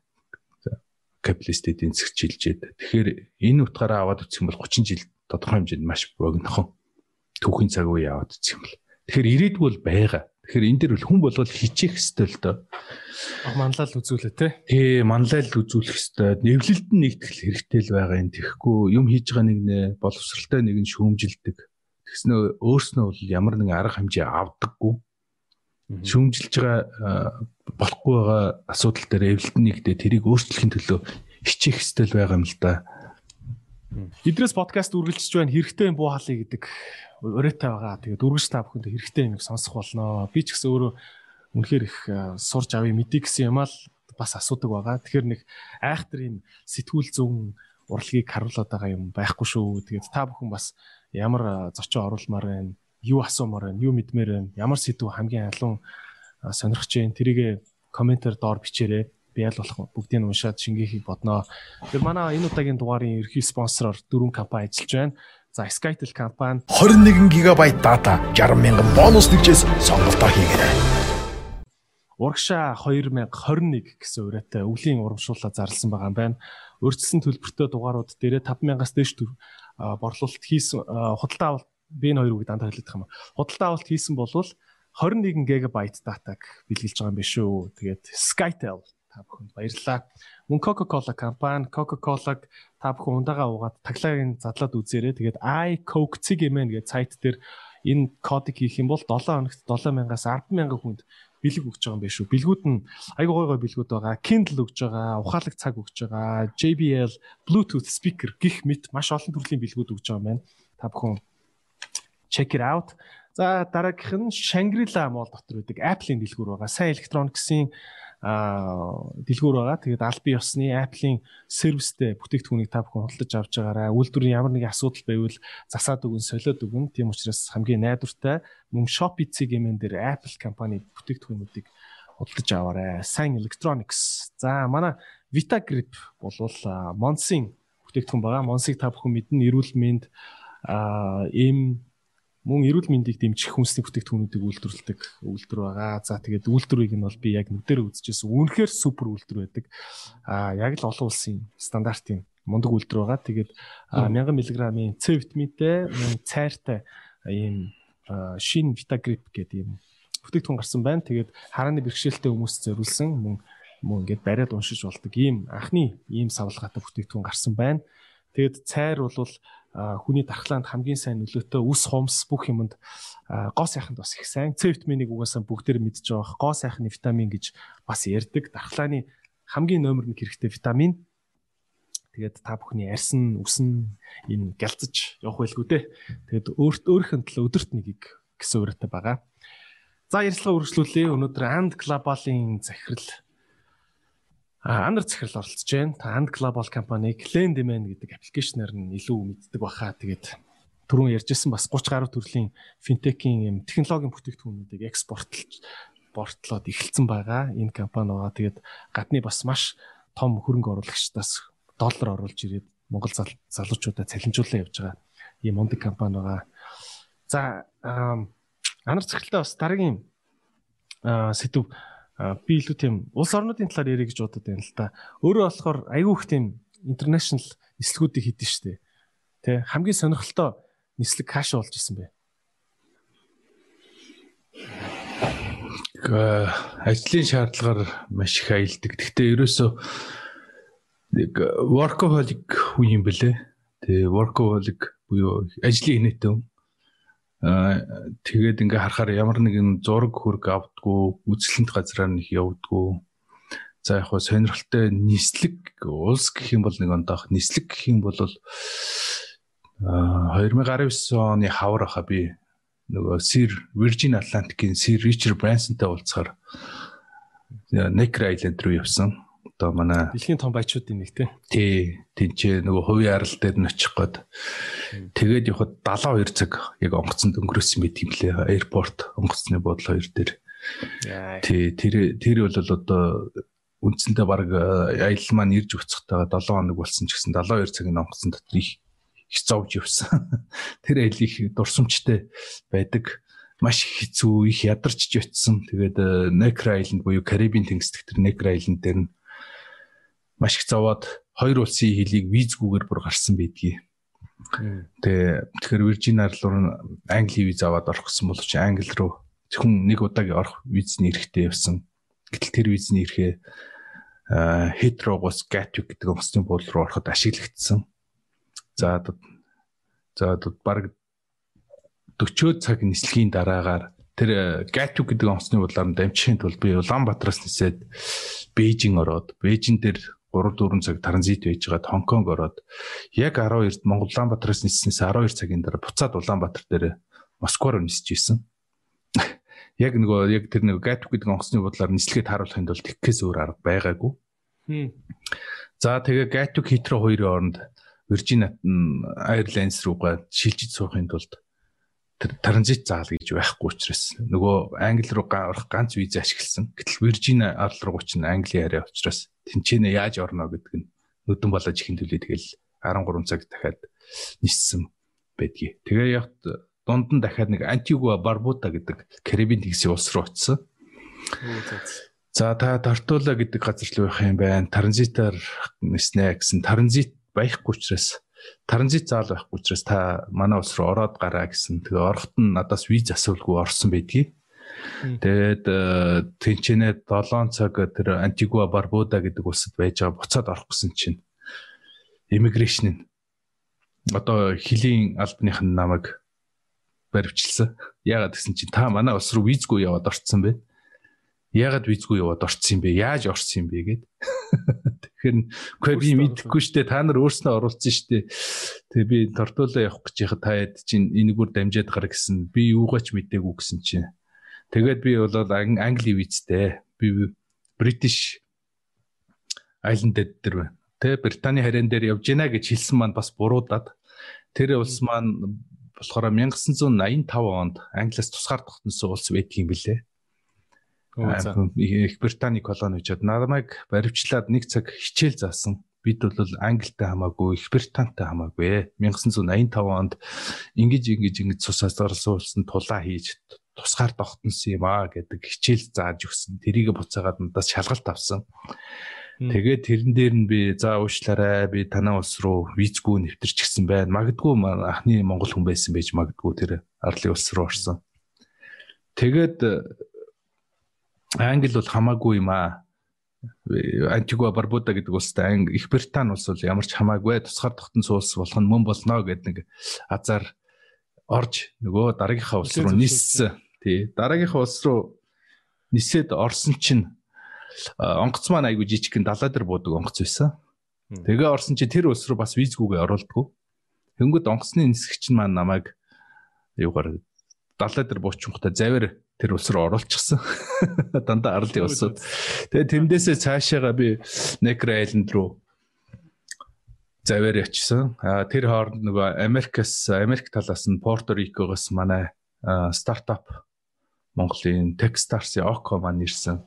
Цэнгэл бас Сингапураас ирсээд бидэд уулзаад Ричард Брансонтай уулзах нэг өдрийн урилгатай мань үнтэй бол хөрөнгө оруулалтын асуудал ярихаар байсан боловч тэр арал дээр нь очисон боловч үнэхээр гайхамшигтай гоё арал байлаа. Маш олон тэр бомтнууд суучихсан юм ярьж исэн. Бидэд уулзаж чадаагүй. Яагаад гэсэн чинь тэнцээ маш том ор тал шиг тийм яахт очсон байсан. Тэр нь Илон Маск юм гин. Тэгээд нөгөө нөгөө Sir Richard Branson маань Elon Musk-ийн яхтан дээр очиод 3 онцод ирэхгүй байна гэд хүмүүс нь хүлээгээд. Тэгээ одоо яг ингээд товчхондоо ирэхэд бол хүмүүстэй айгүйх сонин сонсогддог. Найзлаад ерөөсөө тэр цаг магийн хуваараа бол канселдсан биш? Тий, Ричард Брансонтай очих гээд уулзсан чинь Элон Маск гай болоод тэгээд нат би Ричард Брансонтай уулзч чадаагүй гэдэг товч дүүх байгаа. Тэгэхээр бодит болсон явдал нь тэр. За буцахтаа бол юу болсон бэ гэхээр нөгөө нөхөр чинь дахиад нөгөө нэг мэдүүлэг аваад улсын улс руугаа дотоодын нийслэгээр дахиад ороод ирсэн. Нөгөөдөл чинь за энэ нэг монгол чинь дахиад визгүй ороод ирлээ гэд. Миний буцах нислэг яалтчгүй тэр антигуа барбуда гэдэг улсаас л байсан учраас. Гэхдээ чи дахиад визгүй ороод ирлээ гэсэн. Тэгснэ за чи Английнхаа single entry-г ашиглацсан юм байна. Нэг орох эрхээ ашиглацсан юм байна. Чи дахиад одоо ингээд Лондон руу бухаар орч чадахгүй чамайг нисгэхгүй гэхээр нь би өөдөөс нь баг 30 минут өөртөөх надад заасан түүхийг ярьсан байдгийг. За Танай Антигуа Барбуда гэдэг улс 1985 он тусгаар тогтносоо. Тий, та нар Их Британд таамаахгүй. Их Британий виз олгох олохгүй чинь миний асуудал аа. Би тэнцээ очиод баримтлагт нү яа нү хамаахгүй. Би ниснэ. Та нар надаас Англи виз маань шалгах эрхгүй гэд. Бөөн хил амд игдээсэн. А яг уу нислэгийн компани журмаар бол тэр визийг шаардах хэрэгтэйсэн боловч хил хамгаалахын журмаараа бол тэр чинь одоо тухайн улсын визийн шаардах эсгүй гэдэг байдлаар хэрүүл хийгээд нөгөө нөхдүүд нь энэ нэг Монгол ёстой нэг ядаргаатай нөхөр юм да гэд оруулаад нисгсэн байдгийг. Тэгээ миний араас нөгөө хоёр маань бас орон нутгийн нислэгээр нэг өдрийн дараа ирсэн. Тэгээ тэр хоёр маань болохоор над чи хэл амтай байж чадаагүй юм байлгүй. Нисэж чадаагүй. Тэгээд буцаад Порто Рико ниссэн байдгийг. Тэгээ бас 40 цаг онгоцоор нисэж Сингапурт очисон байдаг. Тий нэг та хэд яаж юутай Ричард Брэнсонтай уулзна гэж ямар тэр төлөвлөгөөтэй явж исэн бэ? Бидэд мундаг шүү дээ. Тий, бидэд болохоор яг одоо нэг цахим орчинд стартапын экосистемийг үүсгье. Silicon Valley гэдэг юмыг цахим орчинд руу шилжүүлье гэдэг энэ манай нэг миний нэг бидний нэг байгуулсан стартап Airbus Venture гэж байдаг. Тэрнийхээ хүрээнд хөрөнгө оруулалт авах гэдэг чиглэлээр очиж уулзсан байдгийн. За тэгээ хөгжилтэй юм Ричард Брансонтайгаа уулзч хөрөнгө оруулалт авах гээд явж исэн. Гэтэл Ричард Брансон ирэхгүй болонгууд Око цэнгэл би дуруу нэг бил тай гэдэг хүнтэй хоол идчихсэн аа. Нөгөө нөхөр нь тэсгэл алдаад. За та гурав юу яах гэж байгаа вэ? Надад юм а яриач гэхээр бид гурав нөгөө хүнийг маань сайн танихгүй. За энэ нөхөр дээр дадлаг хийгээд пич хийсэн байдгийг. Гэтэл яг дараа нь харсан чинь нөгөө бил тай маань Ричард Брансонаас хоёр дахин баян твит анхны твиттер төрөнг оруулж исэн Австралийн Canva, Uber, YouTube. Тэгээ одоо энэ сая гарсан Zoom энтерт хөрөнгө оруулсан 10 гаруй тэрбум долларын хөрөнгөтэй. Үнэхээр яг манай салбарт хөрөнгө оруулдаг хүн байсан байдсэн. Тэрийг нь мэдэхгүй бид гурав. Хамт хоол идэсэн сууд идэв. Хамт хоол идэнгүүтээ за за Richard Branson-ыг гэртэл энэ нөхөр дээр дадлах хийжээ гээд пич хийсэн байдгийг. Тэг яасан нөгөө хүн чинь Гөө яг хуу айгүй челленжинг idea бол гоё юм байна. Санаа бол маш сонирхолтой, концепт бол нэлээд өндөр сорилттой юм байна. Холбоотой байгаарэ гэсэн. Тэгээ би тэр одоо холбоотой байдаг. Тэгээ бас уул нь бол энэ зам Монголд авчирч авчрах зорилготой байсан боловч ингээд харамсалтай. Коронавигийн нөхцөл байдал юм боллоо. Юу Одоо ингээд энэ Ричард Брэнсон, Elon Musk энэ гээд хүмүүс чинь ингээд тэнгэрийн бүр төр хизээч угаасаа баг нэг нэг арал дээр ч баг очихгүй хэмжээний хүмүүс юм шиг санагддээ шүү дээ тий. Тий. Яг өөрөө чинь ингээд том том ингээд Япон Японы амар том дэлхийн корпорацийн ингээд захирлууд энтертэй ингээд уулзахаар яадаг вэ одоо ингээд тэр юу чинь арилцсан уу юм айц чинь те одоо бол хинтэл бол хинтэл мэйл бичээл бол уулзч болох юм байна гэдэг мэдрэмж төрдөг үү яадаг вэ ер нь. Гэхдээ яг хүн өөрөө зоригтой байгаа зүтгэж явах юм бол тийм шокнд байдгүй юм байл л дээ. Оо тэр хүнтэйгээ уулзж байгаа сандрахгүй байх хэвээр. Дээрэс нь яг мэйл бичээд уулзна гэж бол байхгүй. Тодорхой хэмжээнд тэр ишийг тэр хүмүүстэй уулзах зам чи бол маш их урт өөрийгөө таниулна тэр доотлих нь тэр хүмүүс чинь цаг зав нь маш бага ямар утга ямар утга зорилгоор уулзах чинь тэр хүмүүсийн хувьд таны мөнгийг өсгөж өгөө гэдэг бол хүүхдийн тоглоом үнэхээр сонирхолтой стори гэдэг юмар л холбогддог Тэ тэгэхээр одоо Rakuten-ы босс Mikitani гэл байна те. За одоо бид нар бас Японы бас нэг том загалмайлс эцэг хүмүүстэй уулзах гэж байгаа. Тэр хүмүүстэй уулзахад бол бизнес ярьдаггүй тий илүү хөсөл тэмүүлэл эрмэлзэл түүх ярддаг. Өөрийн түүх, өөрийн баялаг түүх, гайхамшигтай түүхийг тэрэнд тохиолдсон адал явдал. Тэгээд ертөнцийг үзэх үзэл хобби гэдэг юм л тэр хүмүүс рүү хүргэдэг. Жишээ нь би Дакар раллид маш их зовж иж явсан. А гэтэл тэр түүхэн маань бол ерөөсөө томоохон бизнесмэнүүд хүрэхэд тэр адал явдал эрэлхийлэгч тэдгээр хүмүүс маань бас л адал явдал эрэлхийлэгч байдаг. Тэр хүмүүст хүрэхэд маш их тийм гүн гүнзгий сэтгэл өгж ордог учраас эдгээр хүний өөрийнх нь амьдруулсан адал явдал түүхүүд нь тэр хүмүүстэй ярих нэг сэдв болдог. Бас мөн ертөнцийг үзэх үзэл. За мөн эргээгээд нөгөө Монголын түүх тэр э, монголчууд яагаад дэлхийг эзлэх болсон юм бэ гэдэг түүхийг хүн болгон сонирхдаг. Тэрийг өөрөө гүнзгий судлаад айгүй сонирхолтой өнцгөөс хүн болгоны мэддэг өнцгөөс өөрийн гэсэн философийн өнцгөөс тайлбарлах нь маш их сонирхолтой байдаг учраас тэдгээр хүмүүстэй уулзахдаа бие ерөөсө барьдгүй л дээ. Тэгээ тэр өөрийнхөө байх хэвээр өөрийн зан чанараа харуулах хэвээр ертөнцийг үз үзлээ бодлоо яриулах хэвээр болохоос за би танай тантай хамтарч ажилланараа таны хийсэн хөрөнгө оруулалтыг тэд болгоно эд болгоно ийм шин дэлгүүрнэ гэдэг асуудлыг ерөөсөө ярьж болохгүй. Тэд нар сонирхгүй шүү дээ. Өдөрт хэдэн зуугаар нь л мөнгөний өсгөж өгье гэж саналууд дэлхийн мондгууд ярьж идэг. Тэдэн дотроос л онцгорох хэвээр. Тэгэхээр эсэргээрээ ой хоёлаа явж одоо те архитект мөсөн доогуур шум би чадах уу? Чадах уу? Би бол чадна. Та чадах юм уу? гих мэтлэн өөрийн гэсэн харизма онцлогтой л харьцах хэвээр. Тэр чинь жинхэнэ уг нь Монгол хэрэг болоод байгаа юм тий. Тий, одоо ёстой тэн дээр нөгөө бэлэг танка гэдэг Монгол хүний зан чанар маань гарч ирж байгаа юм л та. Магадгүй. Тэгээ ингээд гой гой юмар холбогдчихдаг тий. Тий, гэхдээ ярих өргөн цар хүрээ мэдлэг түүх хэрэгтэй. Э, юу ч ярьж чадахгүй байвал нөгөө бэлэг танка явах юм бол бүдүүлэг нөхөр болоод хувирчин. Тийм тий. Тий. Одоо та тэгээд за жишээ нь та яриач одоо Монголынхаа түүхийг өөрийнхөө өнцгөр айгуу гоё яриад дэлхийн тэр бомбны анхаарлыг татч чадчихна гэж шүү дээ.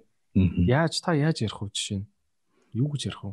За энийг ярихаар манайхан менежментийн айгүйх уралдгийг. Зарим тий жишээ нь би Японд одоо гүйцэтгэх хөдөлгөөний хүмүүстэй бол хизээч нөгөө күнз күнзийн сургаал ертөнцийг үзэх үзлийн талаар ярихгүй. Тэд бол мэрэгжлийн хүмүүс ажиллаа хийх гэж болохоос миний ертөнцийг үзэх үзэл тэдэнд яварч падлиггүй. А хөрөнгөний эзэн юм уу тодорхой хэмжээ шийдвэр гаргахтай уулзсан бол илүү тийм философи ярьдаг л да. Миний хамгийн миний хамгийн дуртай манайхны хамгийн дургүй үг яга. Камиказаны макинэ хобрай гэж ярьдаг хгүй. Энэ японоор яг хөө эртний японоор юу гэсэн үг юм бэ гэхээр камиказанд камиказе гэдэг одоо тайфун байгаа шүү дээ. Японог Монголын эзэн төрөмгөлөөс хоёр удаа орсон хар шуурга. Тэгээ монголоор хэлэх юм бол хар шуурганд ялагдаагүй хөвлөө шүү би гэж хэлдэг. Тий. Би бол та нартай ажиллаж гэн гэхдээ монголчууд Японыг эзэлж чадаагүй. Аа би бол хар шуурганд ялагдахгүй. Хөвлөө хаан гэхдээ хар шуурганд ялагдахгүй шүү гэж хэлдэг. Тэр хүмүүс маань тодорхой хэмжээнд хүмүүсийн ундууцлыг их төрүүлдэг. Ягаад гэвэл Япон хүмүүсийн юу гэх гээд тий камик тий камиказе гэдэг чинь бол японочууд даварлын бурхан гэж хүндлэгддэг хар шуурга камиказе байгаагүй бол Япон улс монголчуудад эзлэгдэх байсан. Тэгэхээр тэр түүхийг ярингу зарим хүмүүс нь болохоор яг хуу камиказе тэр тайфуныг мэднэ. Тэгэхдээ хувлаа гэдэг чинь юу вэ гэд мэддэг. Тэгэхээр хувлааны түүхийг ярихаар маш их гайхамшигтай дайны түүх ирдэг. Түүх сонирхтгүй хүмүүс нь хүртэл өө монголчууд чинь ямар учраас Монгол руу хідэн зэргээр дайч исэн юм бэ? Яагаад дайч исэн юм бэ? Ямар гайхамшигтай байсан юм бэ гэдэг сэтэл төрдгөлдөө. Өөрөөр хэлбэл тэр хүний ерөөсө бодож байгаагүй бодлыг нь төрүүлэх л ёстой. Хүн чи ерөөсө байхгүй байгаа юм л хүсдэг. Тэр хүмүүс эдгэр хүмүүс чинь юу байхгүй байна? Өдрөө мөнгө байна, ор тарш байна, эзэнт гүрэн байна. Тэгэхээр тэр хүмүүстэй байхгүй байгаа юм л мэдхгүй байгаа юм л ярих хэвээр. Дээрээс нь тэдгэр хүмүүсээ маш сайн судлаад хүсэл тэмүүллийг ярих хэвээр.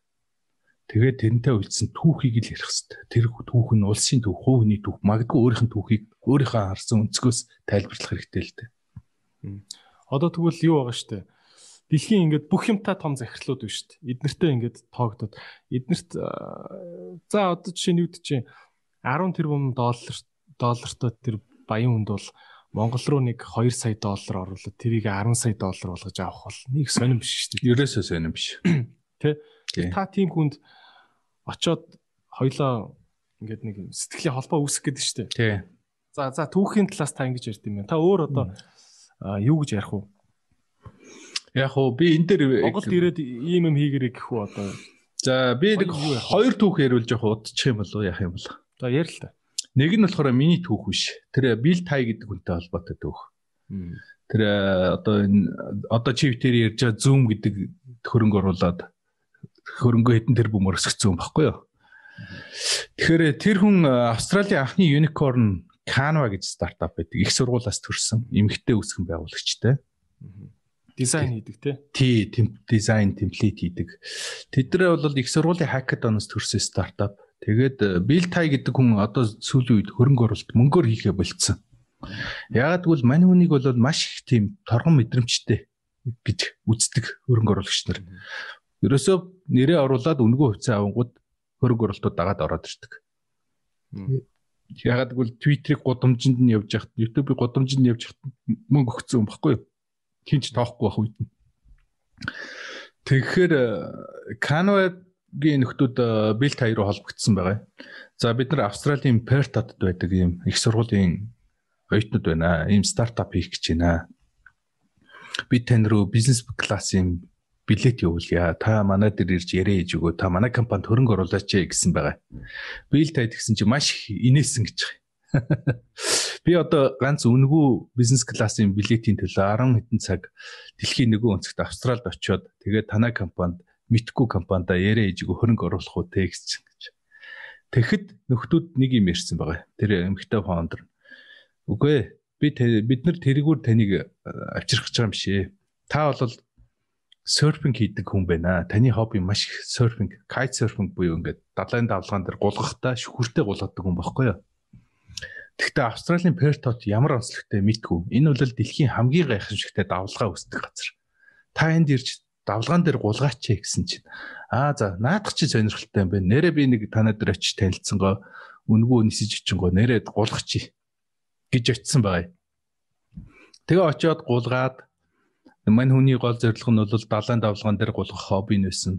Өөрөөр хэлбэл тэр хүнд яг хэрэгтэй юм тэр фаундер үүсгэн байгуулагч хэлж чадсан байгаа байхгүй.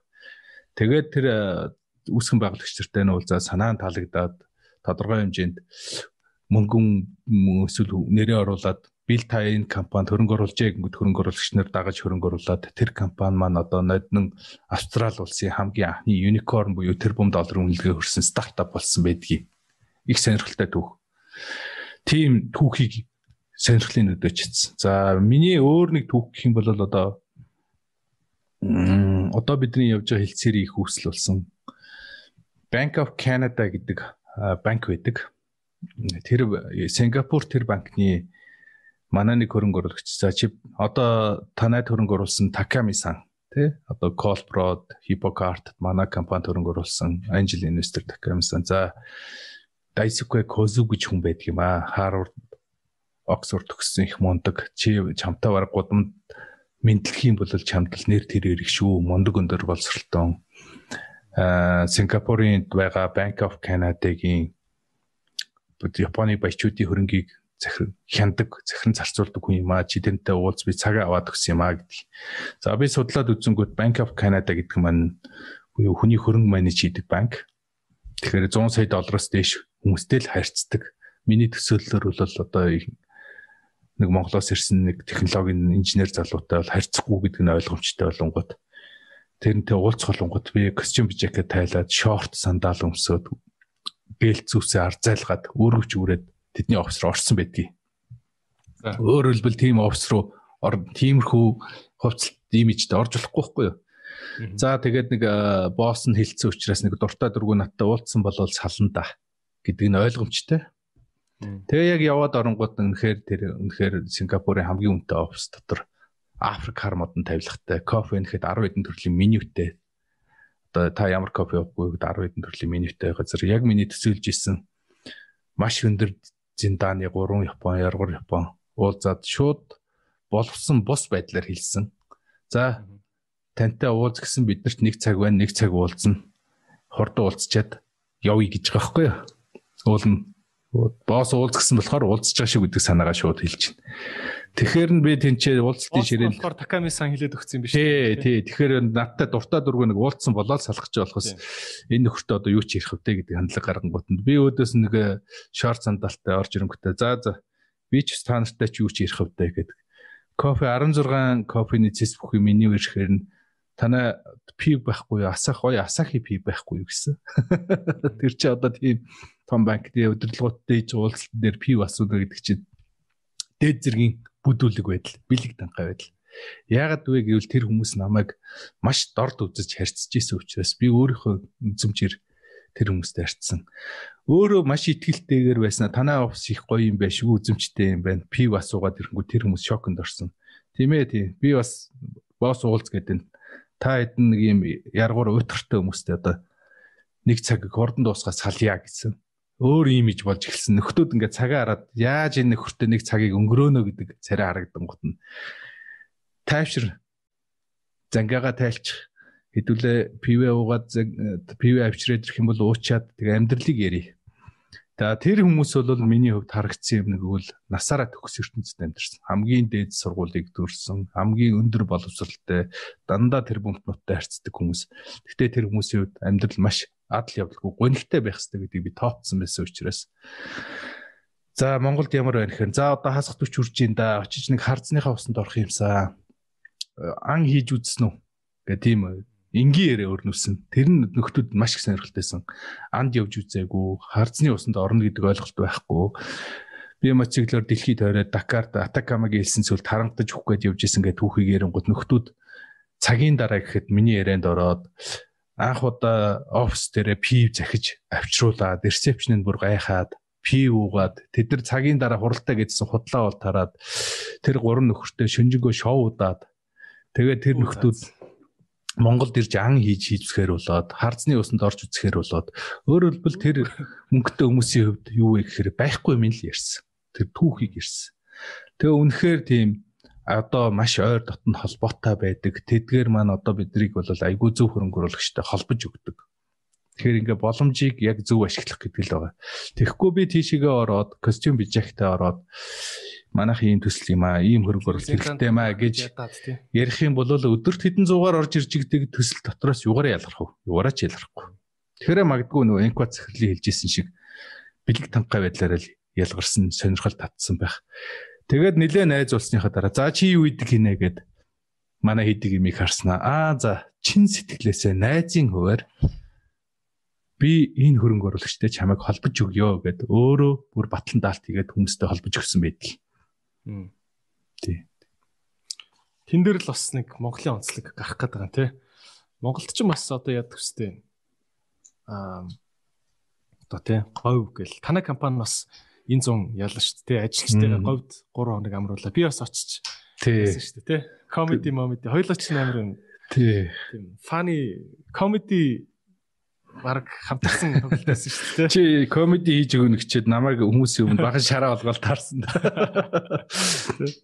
Гэхдээ миний бодлоор тэр бол бас гайхамшигтай тийм онцлог шүү дээ. Монголын нийлсэн цүлд шүн шоудаад тэ компаниар шоудна гэдэг бол миний бодлол бас айгүй тийм гоё санагдчихсэн. Ямар ч Сингапурын мундаг 100 сая доллартай банкир банкир байна уу?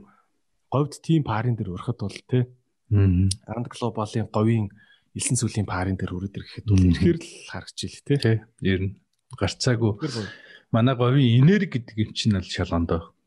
Тэр хүнд үгээр илэрхийлэхгүй мэдрэмжийг төрүүлдэг. Тэрийг яаж тэнцээ тэр Сингапур, Японд дахин бий болох тий хуулбарлах боломжгүй л энерги юм билээ л тий. Тий. Яг үнэ. За хоёулаа юуны талаар маш гоё сонирхолтой түүхүүд байна. Гэхдээ яг энэ стартапын стартап ч явах гэдэг ер нь бол одоо би яг үнийг хэлэхэд стартап гэдэг үгэнд уг нь өөрөө хамгийн их ярьдаг хүн байсан мөртлөө өөрөө жоохон дуургүй яг үнийг хэлэхэд. Аа. Стартап, entrepreneur, founder энэ гэл нэг юм лаглаг үгнүүд хэрэглээд байдаг. Яг үндэ тэр чинь тэгэл явж явж л компани хийхээ каштай ер нь бол. Яг үнэ. Стартап гэж бизнес unicorn гэж нэрлэнэ үү? Зүгээр одоо яг одоо Apple өгөөж гэдэгтэй л адилхан компани үстэй тий. Тий. Би бол тэгж ойлгодог. Бүтцийн хувьд бол ямар ч ялгаа байхгүй л дээ. Тий.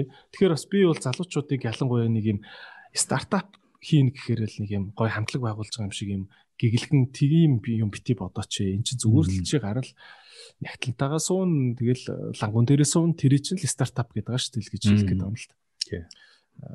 Тэгэхээр нэг ийм ойлголт бас гараад байна шүү дээ. Бас энэ дор чанд гişүнтэй ярьж байхад бас хэлж явах шиг байсан sandbox гэдэг. Бас Японы бишээ Солонгосын одоо энэ sandbox гэдэг ийм төрийн юм том бодлого бас явах шиг байна те. Аа sandbox гэл Netflix дээр айгу тийм алдартай кино бас сая гаргацсан.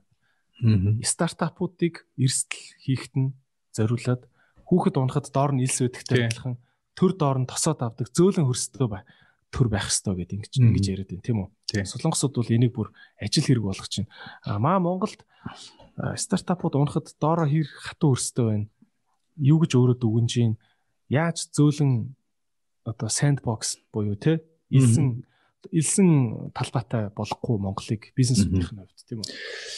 Монголд одоо sandbox байтугай бүр утгаараа боожуулах инкубатор ч ерэн стартап байхгүй гэж харж байгаа шүү дээ. Стартапууд чинь өөрөө бол тодорхой хэмжээнд яг хуу хэд хэдэн ойлголт байгаа юм л да. Одоо түрүүний ярьсанчлан залуучууд өөрснөө бүгдээрээ нэг юм гоё түүхийг сонсоод Цукерберг, Элон Маскийн түүхийг сонсоод стартап хийх гэж үзээд идэг.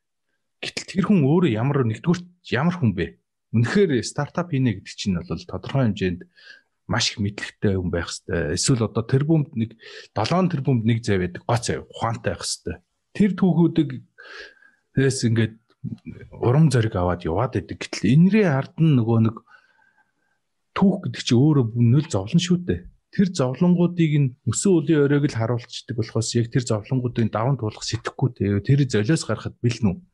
Өөрийнхөө эрүүл мэнд цаг хугацаа мөнгө төгрөг гэр бүл маш их золиостой Тэгээд юунд ч хүрэхгүй байж магадгүй. Тим юмн дээр 10 жил, 20 жил төвшөртэй явж чадах уу гэдгээ тодорхойлж чадахгүй стартап хийгээд байгаа нь нэг талаас айгүй асуудал.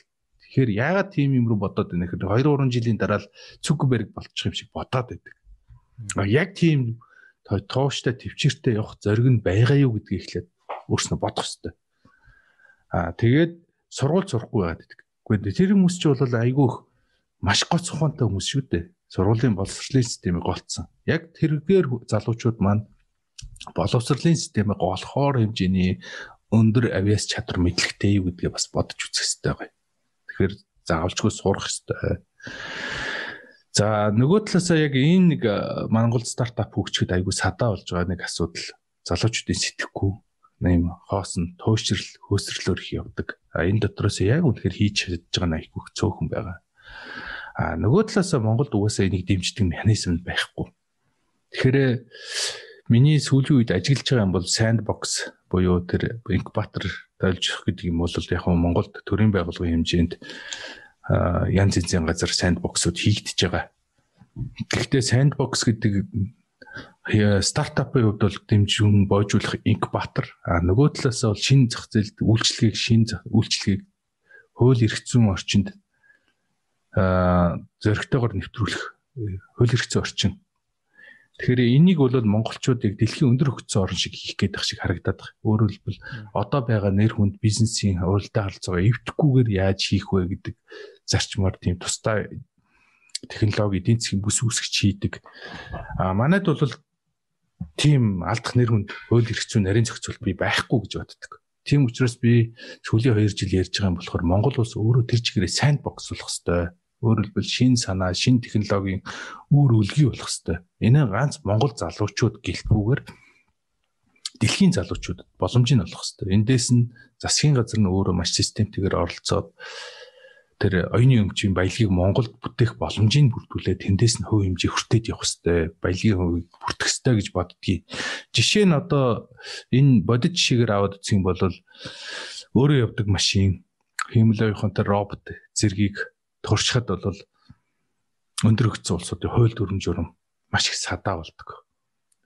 Одоогийн бизнесийн тогтворцсон за санхүүгийн хөрөнгөний зах зээлийн шин технологиуд туршигдах гэхээр уламжилт хөрөнгөний зах зээлийн өндөр өгсөн систем нь өөрөө садаа болт, хууль дүрм журам садаа болт. Гэтэл ирээдүйн тодорхойлсон систем гэдэг тэд хийж чаддгүй.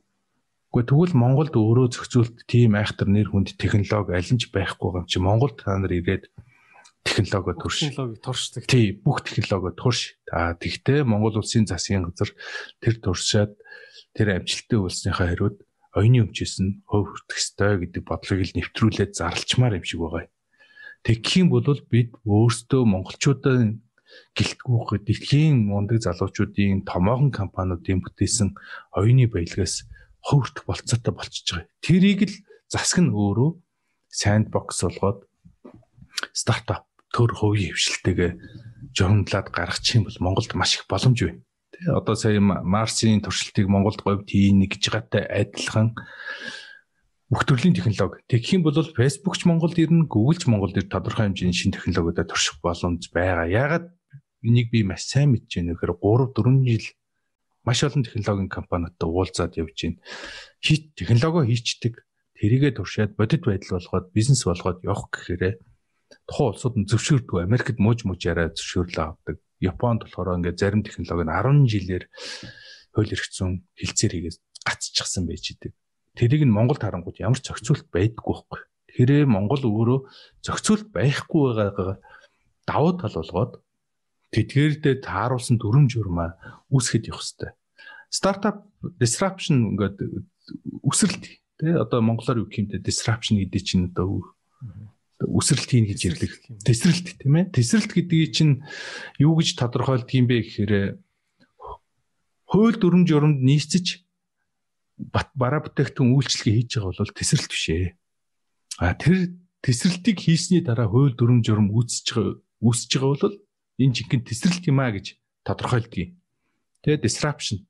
Тэгээ disruption хийгээд тэрэнд зохицож одоо англиар хэлэх юм бол regulation compliance үүсэж байгаа бол энэ бол жинхэнэ тесрэлт. А тэгвэл Монголд тэр тесрэлтүүдийн бүгдээрээ ирээд үүсгэлтэй. Тэрэнд нь тааруулаад манайхан өөрснөө хууль дүрм журмаа зохицуулаад Монгол улс тэр ноу хаугаа оюуны өмчөөсөө гадна тэр ноу хаугаа хуваалцах боломж байгаа хгүй. Яг энэ зарчмыг бид нар манай компани хийдэг. Бид ганц технологи экспортлох биш. Энэ технологиг энэ том компаниудтай Монголд өрсөлдөхөд ийм ийм асуудал үүссэн байна энэ том компаниуд бидний хийж байгаа технологиг нэвтрүүлэх ийм асуудал үүсч байгаа бид нар энэ дээр нь ингэж амьд үлдсэн ингэж өөр аргаар харсан гэдэг ноу хауга бид нар бас үнэлж зарж эхэлж байгаа байхгүй юу. Тэгэхээр энийг Монгол улс бас хийж өөр системтэйгээр хийж болох хэвээр боломж байгаа. Тэгээд э, энэ дээр бол яг харж байгаа нь бол бас ирээдүйдээ залуучууд гарч ирж ил байна гэж харж илээ л да алсын хараатай. Одоо Монголын Монголын нуурууд дээр дэлхийн бүх шувууд ирж өндөглөлтөхтэй адилхан тий. Тий, яг үнэ. Аа дэлхийн бүх боловсралтай залуучууд энд ирж роботоо, био технологи, компьютерийн технологиг энд ирж хөгжүүлдэг тий. Монголд ядаж гоё ирж цусаад явдаг чинь бүртгэн юм гоё шүү дээ тий. Энийний сөрөг нөлөө их байгаа. Мэдээж аа эрсдэл бол мэдээж их байгаа. Гэхдээ тэр эрсдэл маань Монгол өөрөө хөгжлөөс хоцрогдож байгаа эрсдлээс харьцуулах юм бол маш бага байхгүй. Жишээ нь ямар эрсдлүүд байгаа гэж. Гэхдээ яг одоо жишээ нь технологиг туршихад чинь алдаа гарч болно те. За роботд алдаа гарах бол магадaltaй. Тийм учраас энэ хууль дүрм журам чинь тэрийг хийхийг зөвшөөрдөггүй. За санхүүгийн шинэ систем технологи нэвтэрдэг. Тэдгээр маань тодорхой хэмжээнд хэний ч хараагүй бодит алдаатай гүйлгээ хийх эсвэл тэр маань бодит амьдрал дээр компани нэр хүндийг унах эрсдэл бол бас байгаа. Тэгэхээр тийм учраас л хэрэглэгчийн эрх шиг хохирох эрсдэл байж идэг. Тийм учраас энэ улс орнууд чинь тодорхой хэмжээний технологийн ирээдүйд тесрэлт их технологиудыг чинь зоригтойгоор туршиж чадахгүй байдаг. А Монголд тийм боломж нь байгаа. А гэтэл тэр гарах эрсдэл маань Монгол дэлхийн хөгжлөөс хоцрогдож байгаа эрсдлийн дэргэд юу ч биш байхгүй. Тийм тий. Дэлхийн ертөнцийн ер нь бүх түүхийг хараад байхад а улс зөвхөн дотроосоо ингээл юу гэдэг чи одоо зөвхөн дотроосоо мундаг залуучууд нь гарч улсаа хөгжүүлэхээс гадна гаднаас мундаг хүмүүс ирж бас хамт хөгжүүлэлцдэг энэ модель ер нь яг бүх том лидер гүрнүүдийн хувьд бол байгаад байгаа юм тий. Тэр үд чи хар хорин морин чинь Монголд ч дэлхийн бүх л мундаг хүмүүс нь цугладаг байсан гэвс тээ. Тий. Ерөөсөө араб мараб сайдтай байсан гэвс тээ. Миний бодож байгаагаар бол ягээрээс бид нар э, зарим имийг бол сурах ёстой. Тэгэхээр гадны хөрөнгө оруулалтыг татах ёстой. Тэгэхээр одоо өнөөдөр зөвхөн мөнгө яриад байгаа байхгүй юу? Хөрөнгө оруулалт гэдэг чинь мөнгө биш. Тодорхой хэмжээний бизнес их туршлага боловсон хүчин, үн цэн, ноу хау байхгүй юу? Тэгэхээр эдгээр чинь өөрөө хөрөнгө оруулалттай болдог. Тэгэхээр тэдгээр хүмүүсийг одоо сая ярьж байгаа чинь бас их зэрэг цуглаахтай болгоо адилхан. Чингис хаан дэлхийг дайлар мордохдоо бол Перс, Араб жинжидтэй, Хятад, Солонгос жинжидтэй байсан. Тэ чанчин бомбыг заалж ирж төрийн механизмыг зохиоход хүсэж исэн. Татаа думгааг авчирч Монгол уйгур жимчгийг Монгол бичиг рүү хөрвүүлж хийсэн. Хар хормыг чиний хэлж агаар одоо сартул үндэстнийг авчирч босгосон. Тэгэхээр энэ бол ерөөсөө монголчуудын нэг давуу тал нь магадгүй бид нэр интеграц хийж чаддаг гэж бодож байгаа. А манай компани хувьд ч гэсэн яг энэ зарчмыг ашигладаг. Өөрөөр хэлбэл монгол залуучуудын үн цэнийг дэлхийд хүлээн зөвшөөрүүлж нэгчээд манай компани 100% монголчууд байдгүй. Таван үндэстэй ажилладаг. А тэгээ тухайн хэмжээнд туршлага дутж байгаа учраас бидний энийг улам их болгоно гэж харж байгаа. Гэхдээ энэ нь бол монгол компани Энэ бол Монгол залуучууд үүсгэсэн Монгол компани. Жишээ нь одоо Grab гэдэг компани мэднэ тий. Таксины компани дэлхий дээр Uber, Grab гэж хоёр том компани байна. Гэтэл Grab Малайзийн Малай Grab бол Сингапур бүртгэлтэй боловч дэлхийд дээр тэрийг Малайзийн компани гэж боддог. Малай залуучууд л үүсгэн байгуулсан.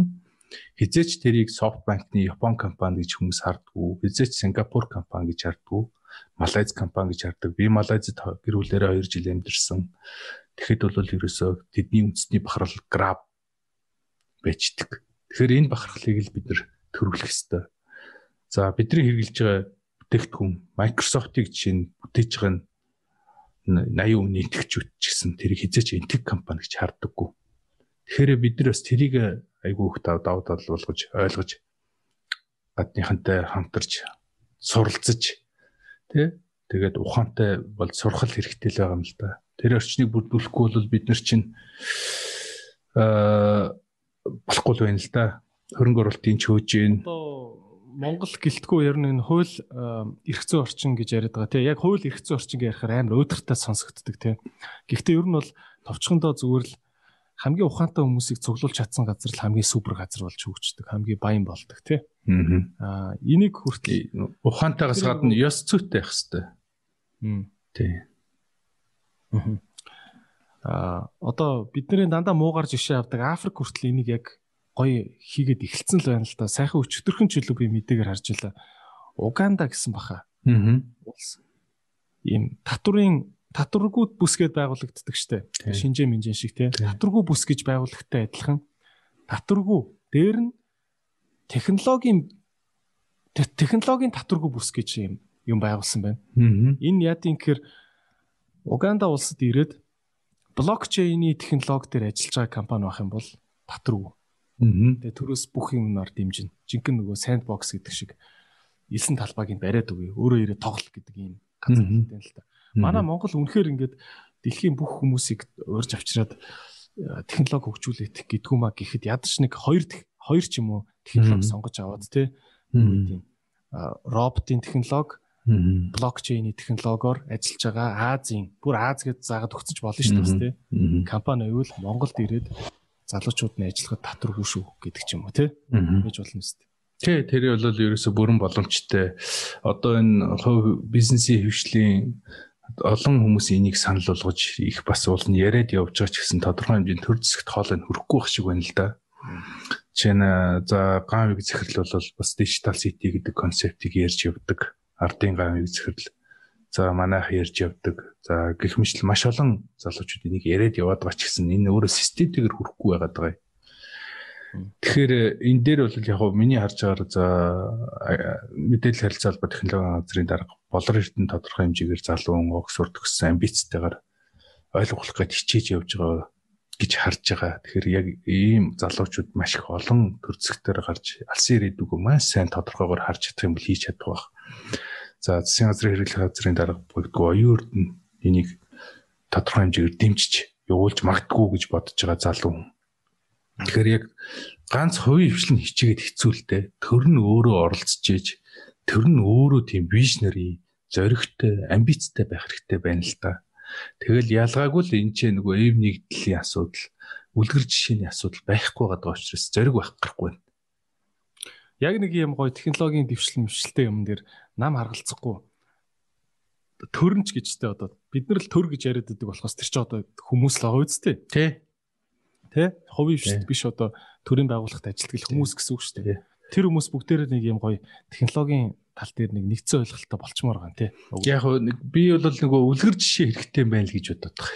Яг тэгэхгүй болохоор нөгөө ихтгэл үнэмшилтэй болно. Ихтгэл үнэмшилтэй болох юм бол тэрий чин бодитоор харна, алсын хараатай болно, зөрөгтэй болно, шийдвэр гаргана.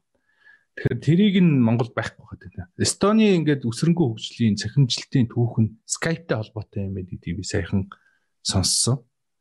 Ягаад гэхээр Skype гэдэг компани Estone компани юм байна. Skype бол үнэхээр гайхамшигтай гарч ирсэн Microsoft хөдөлтөж явсан.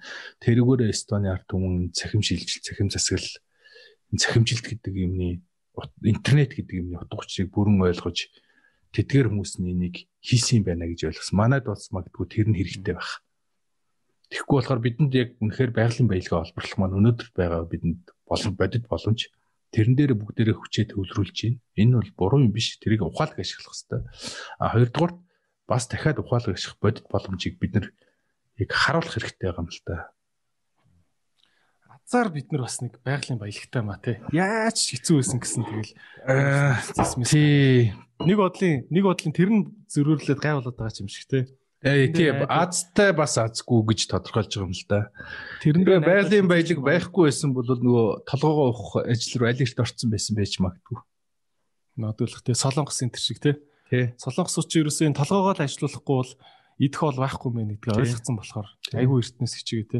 Тэгэхэд одоо энэ Hyundai юу мөнэ те LG, Samsung ингээл бүх түүхийг уншаад хахад дандаа л нэг 20 30 дахь настай залуучууд л ихлүүлэл зүтгэсэн л юм байд юм бэлээ те. Ингээл нэг 70 80 хүрсээ өвөө болох үедээ ингээд улсаа бас ингээд чирээд босгоод ирэх хэмжээний том корпорациудыг байгуулсан те. Тий. Яг хуу түүхүүдийг уншихаар бол Япон солонгосын түүх бол төр хувийн хөвшлийн хоорондын харилцаа маш их сайн байдаг юм байл л дээ. Тэ тэрийгэ сайн болгоод тэрийгэ нөгөөдөл нь бас их том болоод баг үндэсний удирдах хэмжээнд ороод ирэхээр зохицуулах хязгаарлах арга хэмжээгээ сайн хийдэг. Тий. Манай ч хооронд дарчдаг тий. Тий, тэрийгэ зохицуултаараа сайн хийдэг. Тэрэн дээр гадны төршлийг маш их судалдаг, хуваалцдаг сонирхолтой сонирхолтой би кейсүүд бол маш их байгаа л юм. За а одоо ингээл хүн болгон л юу ярьж чинь тийм үү? а хов хов хүний хөгжил энэ төр гэл одоо мэдээж өөрөөс чинь бол хов хүний хөгжлийн зөвлөгөө өгөөч гэсэн залуучууд бол амар их бичдэг баг тий Гэхдээ одоо дөнгөж яг 10 яг над руу бол нэг ийм аав ээс нар аяух бичтээ идрээ манай хүү одоо 16 тай Над руу над дээр ямар хүн болох вэ? Тий, чи нэг дүүдэ гэж бодоод нэг юм хэлээтгэж манай хүүд гэл. Над дээр бүр ийм ээж орж ирж байсан. Манай хүү 18 насны төрсөн өдөр нь билүү болж байгаа. Би төрсөн өдөр нь руу бүр жилийн өмнөөс хэлж битсэн. Өөртөө чи ингээ нэг өдөр уулзуулаа тий. Төрсөн өдөр нь болж байгаа нэг чиний комедиг хөвцөөд тий.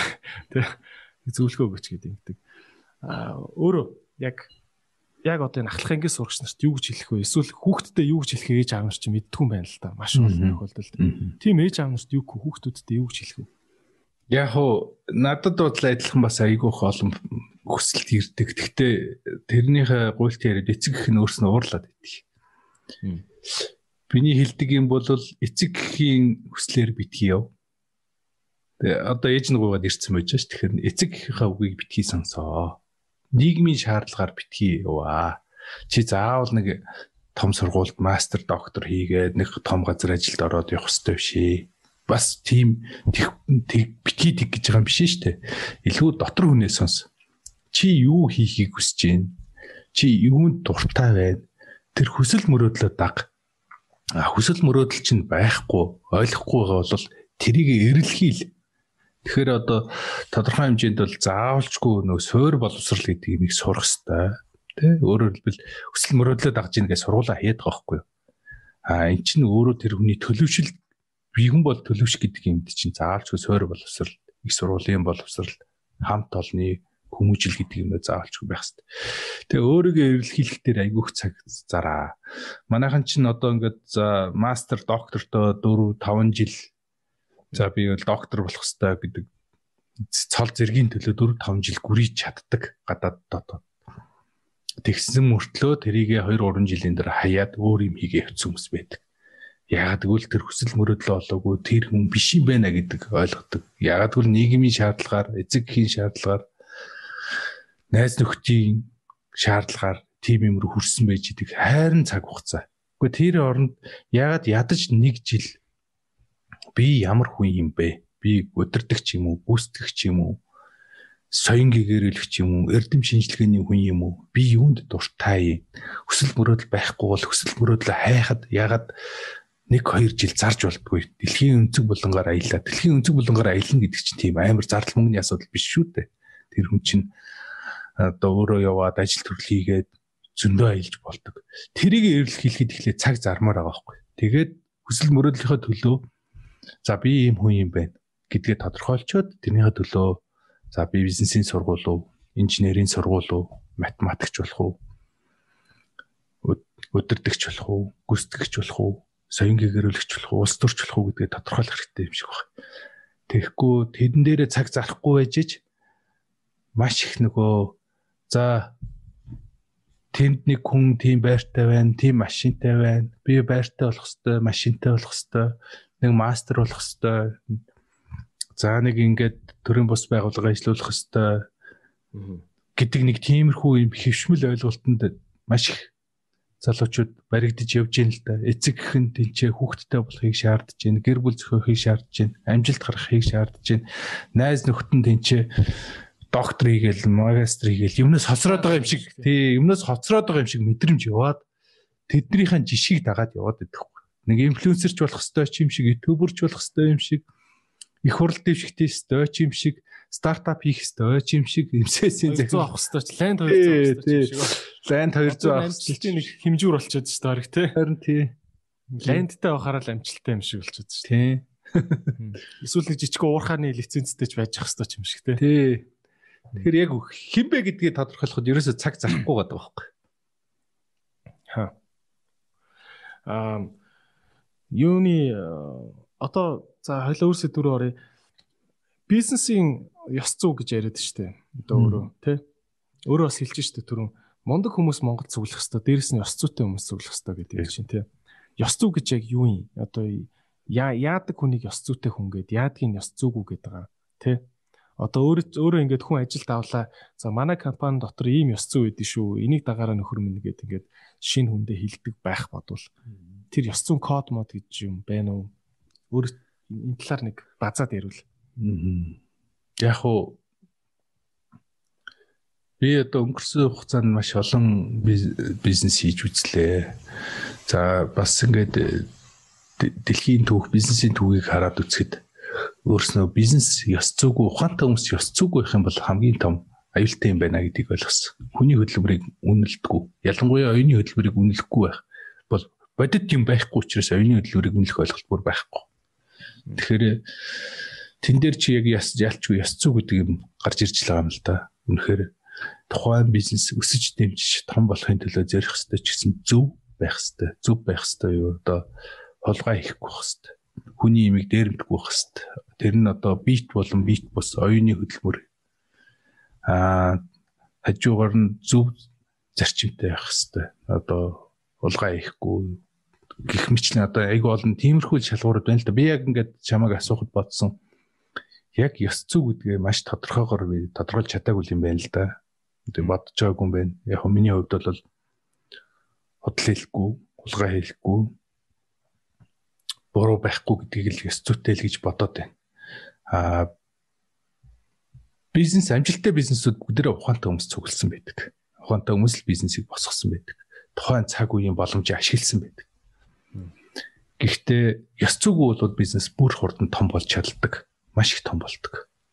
Гэхдээ тэр тэдгээр маань үнэхээр бахарах юм өнөө биш үү гэдэгт их боддог. Яа маш олон компани хүний зохиосон бүтээснийг дээрэмдэд байх юм бол улам л том болно шүү дээ. За тэдгээр хүмүүс маань Монгол цуглаад явчих юм бол ёс зүг өмсч улсын маань өдөрт нь авилга хэл ахвал хөгжинтэй. Тийм учраас ухаантай байх ерөөсөө хангалтгүй. Ёс зүйтэй л байх хэрэгтэй. Ард түмнээс авалгаа хийж болохгүй, ажилчдаас авалгаа хийж болохгүй. Цалингаас нь тэтгэврээс нь хулгай хийж болохгүй. Одоо тэр маань бол Монголын одоо хамгийн том гамшиг болчиход шүү дээ. Дээрэс нь дараагийн нэг 90 үе эхэлж байгаа нь. За энийг бол ингээд нийгмийн хөгжлийн явцад бол зохицуулж болох бах тодорхой хэмжээ. Бит бус хөрөнгө буюу оюуны өмчийг хулгайлж байгааг зогсоох хэрэгтэй. Энэ бол дэлхийд яриад амар байдаг асуудал. Монголд бол энэ л маш олон жил хүний хөдөлмөрийг хулгайлдаг асуудал байсаар л байгаа. Тий. Монгол улсын маань чодолдох асуудал байж л байдаг. Тэгээ тэрийг хамгийн гол нь зах зээл дээр байгаа хэрэглэгчнэр нь хүртэл дэмжиж те бараг л одоо хулгайгаар манай Facebook пэйж дээр бичлэгийн цацж байна шүү. Одоо юу чи. За одоо би зүгээр жишээ гаргаж байгаа шүү те. Оо UB comedy-гийн тэр тоглолтын бичлэгийг нь манай Facebook-ээр үзээрэй гэхэд л хүмүүс алга ташаалд орон шир шир шир гэл хитэн цуугаар ширэлцэн байдаг те. Энэ бол одоо ямар их хөдөлмөр гаргаж тэр бичлэгийг хийж байгаа тоглолтыг зохион байгуулж байдаг. Хүн анзаардгүй те. Тий. Тэгэхээр бас нийтээр нэг тийм оюуны өмчийг тийм бас юу суух хэрэгтэй юм шиг дарах чи өөрөө хүний имийг хулгайлж үзэж харж хэрглэж байгаа бол өөрөө бас хулгайлуулж байгаа гэдгээ ерөөсөй ойлгохгүй. Аа. Тий. Одоо засаг тэтгэврийн тэтгэврийн зээлийг тэглээл буцалтгүй тусламж өгөөл идэг. Яс юм дээрээ бас бидний халаасыг хулгайлж ил бас мөнгө буцаад жижигхэн болоод эргэж ирдэг. Тий. Тэгэхээр нөгөө тэр нийгмийг удирдах байгаа механизм нь өөрөө өстөөс нь авсан үр шимийг нь жоох нэг л өгж байгаа. Бидний сүргийн сэтгэхгүйгээр л явж байгаа юм л юм байна л да. Тэгэхээр энэ ёс зүй гэдэг ойлголтыг тодорхой хэмжээгээр нийтээр боловсрал боловсрч ижил бүр утгаар нь ойлгох байх. Аа ер нь та бас ингэдэг юу штэ. Том харилцагч нартай гэрээ хийж байгаа тийм үү? Аа түрүүн бас ярьжсэн л да өөрийнхөө нөгөө ингээд аа өөрийгөө бол айгуу сайн гэж ойлгуулж миний одоо компани зорилго философи юм байгаа шүү гэдгийг ойлгуулдаг гэж бол за тэрийг тэр хэсгийг нь бол ойлгож байгаа. Тэгтэл хичнээн тэгээд тэгээд яг ингээл гэрээ байгуулахад заавал нэг юм хоёр мөр ч юм уу нэг зэвүүн мөр хөлчт нь оролцсон байдаг штеп. Хоёр байтгоо 200 хуудас юм байна л да. Яаж хийж байгаа л энэ анарыг ерөөхдөө бол шахаж дуртай үедээ маа гэд нисэлж болох тэр нөхцөлийг өөрийнхөө босстой хуульчид чинь гаргах ажилтаа шүү дээ ер нь тий яаж өөрийгөө гэрэн дээр хамгаалаад байна. Ялангуяа юм том юутай харилцагч одоо хүнтэй партнерлахад тий. Аа. Гэхдээ яг хуу чадвартай туршлагатай мэдлэгтэй хүмүүс өнгөрсөн амьдралын гашуун туршлагаасаа л үнслээл миний хувьд юу үнцэнтэй, миний хувьд юу эрхчлөө, миний үнц нь юу, миний үзүүлж чадах юм юу, бас юу золиослж чадах уу гэдгийг тодорхойлцсон байхад бол болчихчлаа юм л да. Жишээд би 5 жил өдөр шинэгүй ажиллах бол миний хувьд золиослж чадах зүйл. Тэрийг золиослоход итгэлтэй байна уу? Тодорхой хэмжээнд эрүүл мэндийн албан тэрийг золиослоход итгэлтэй байна уу? Зоригтой байна уу?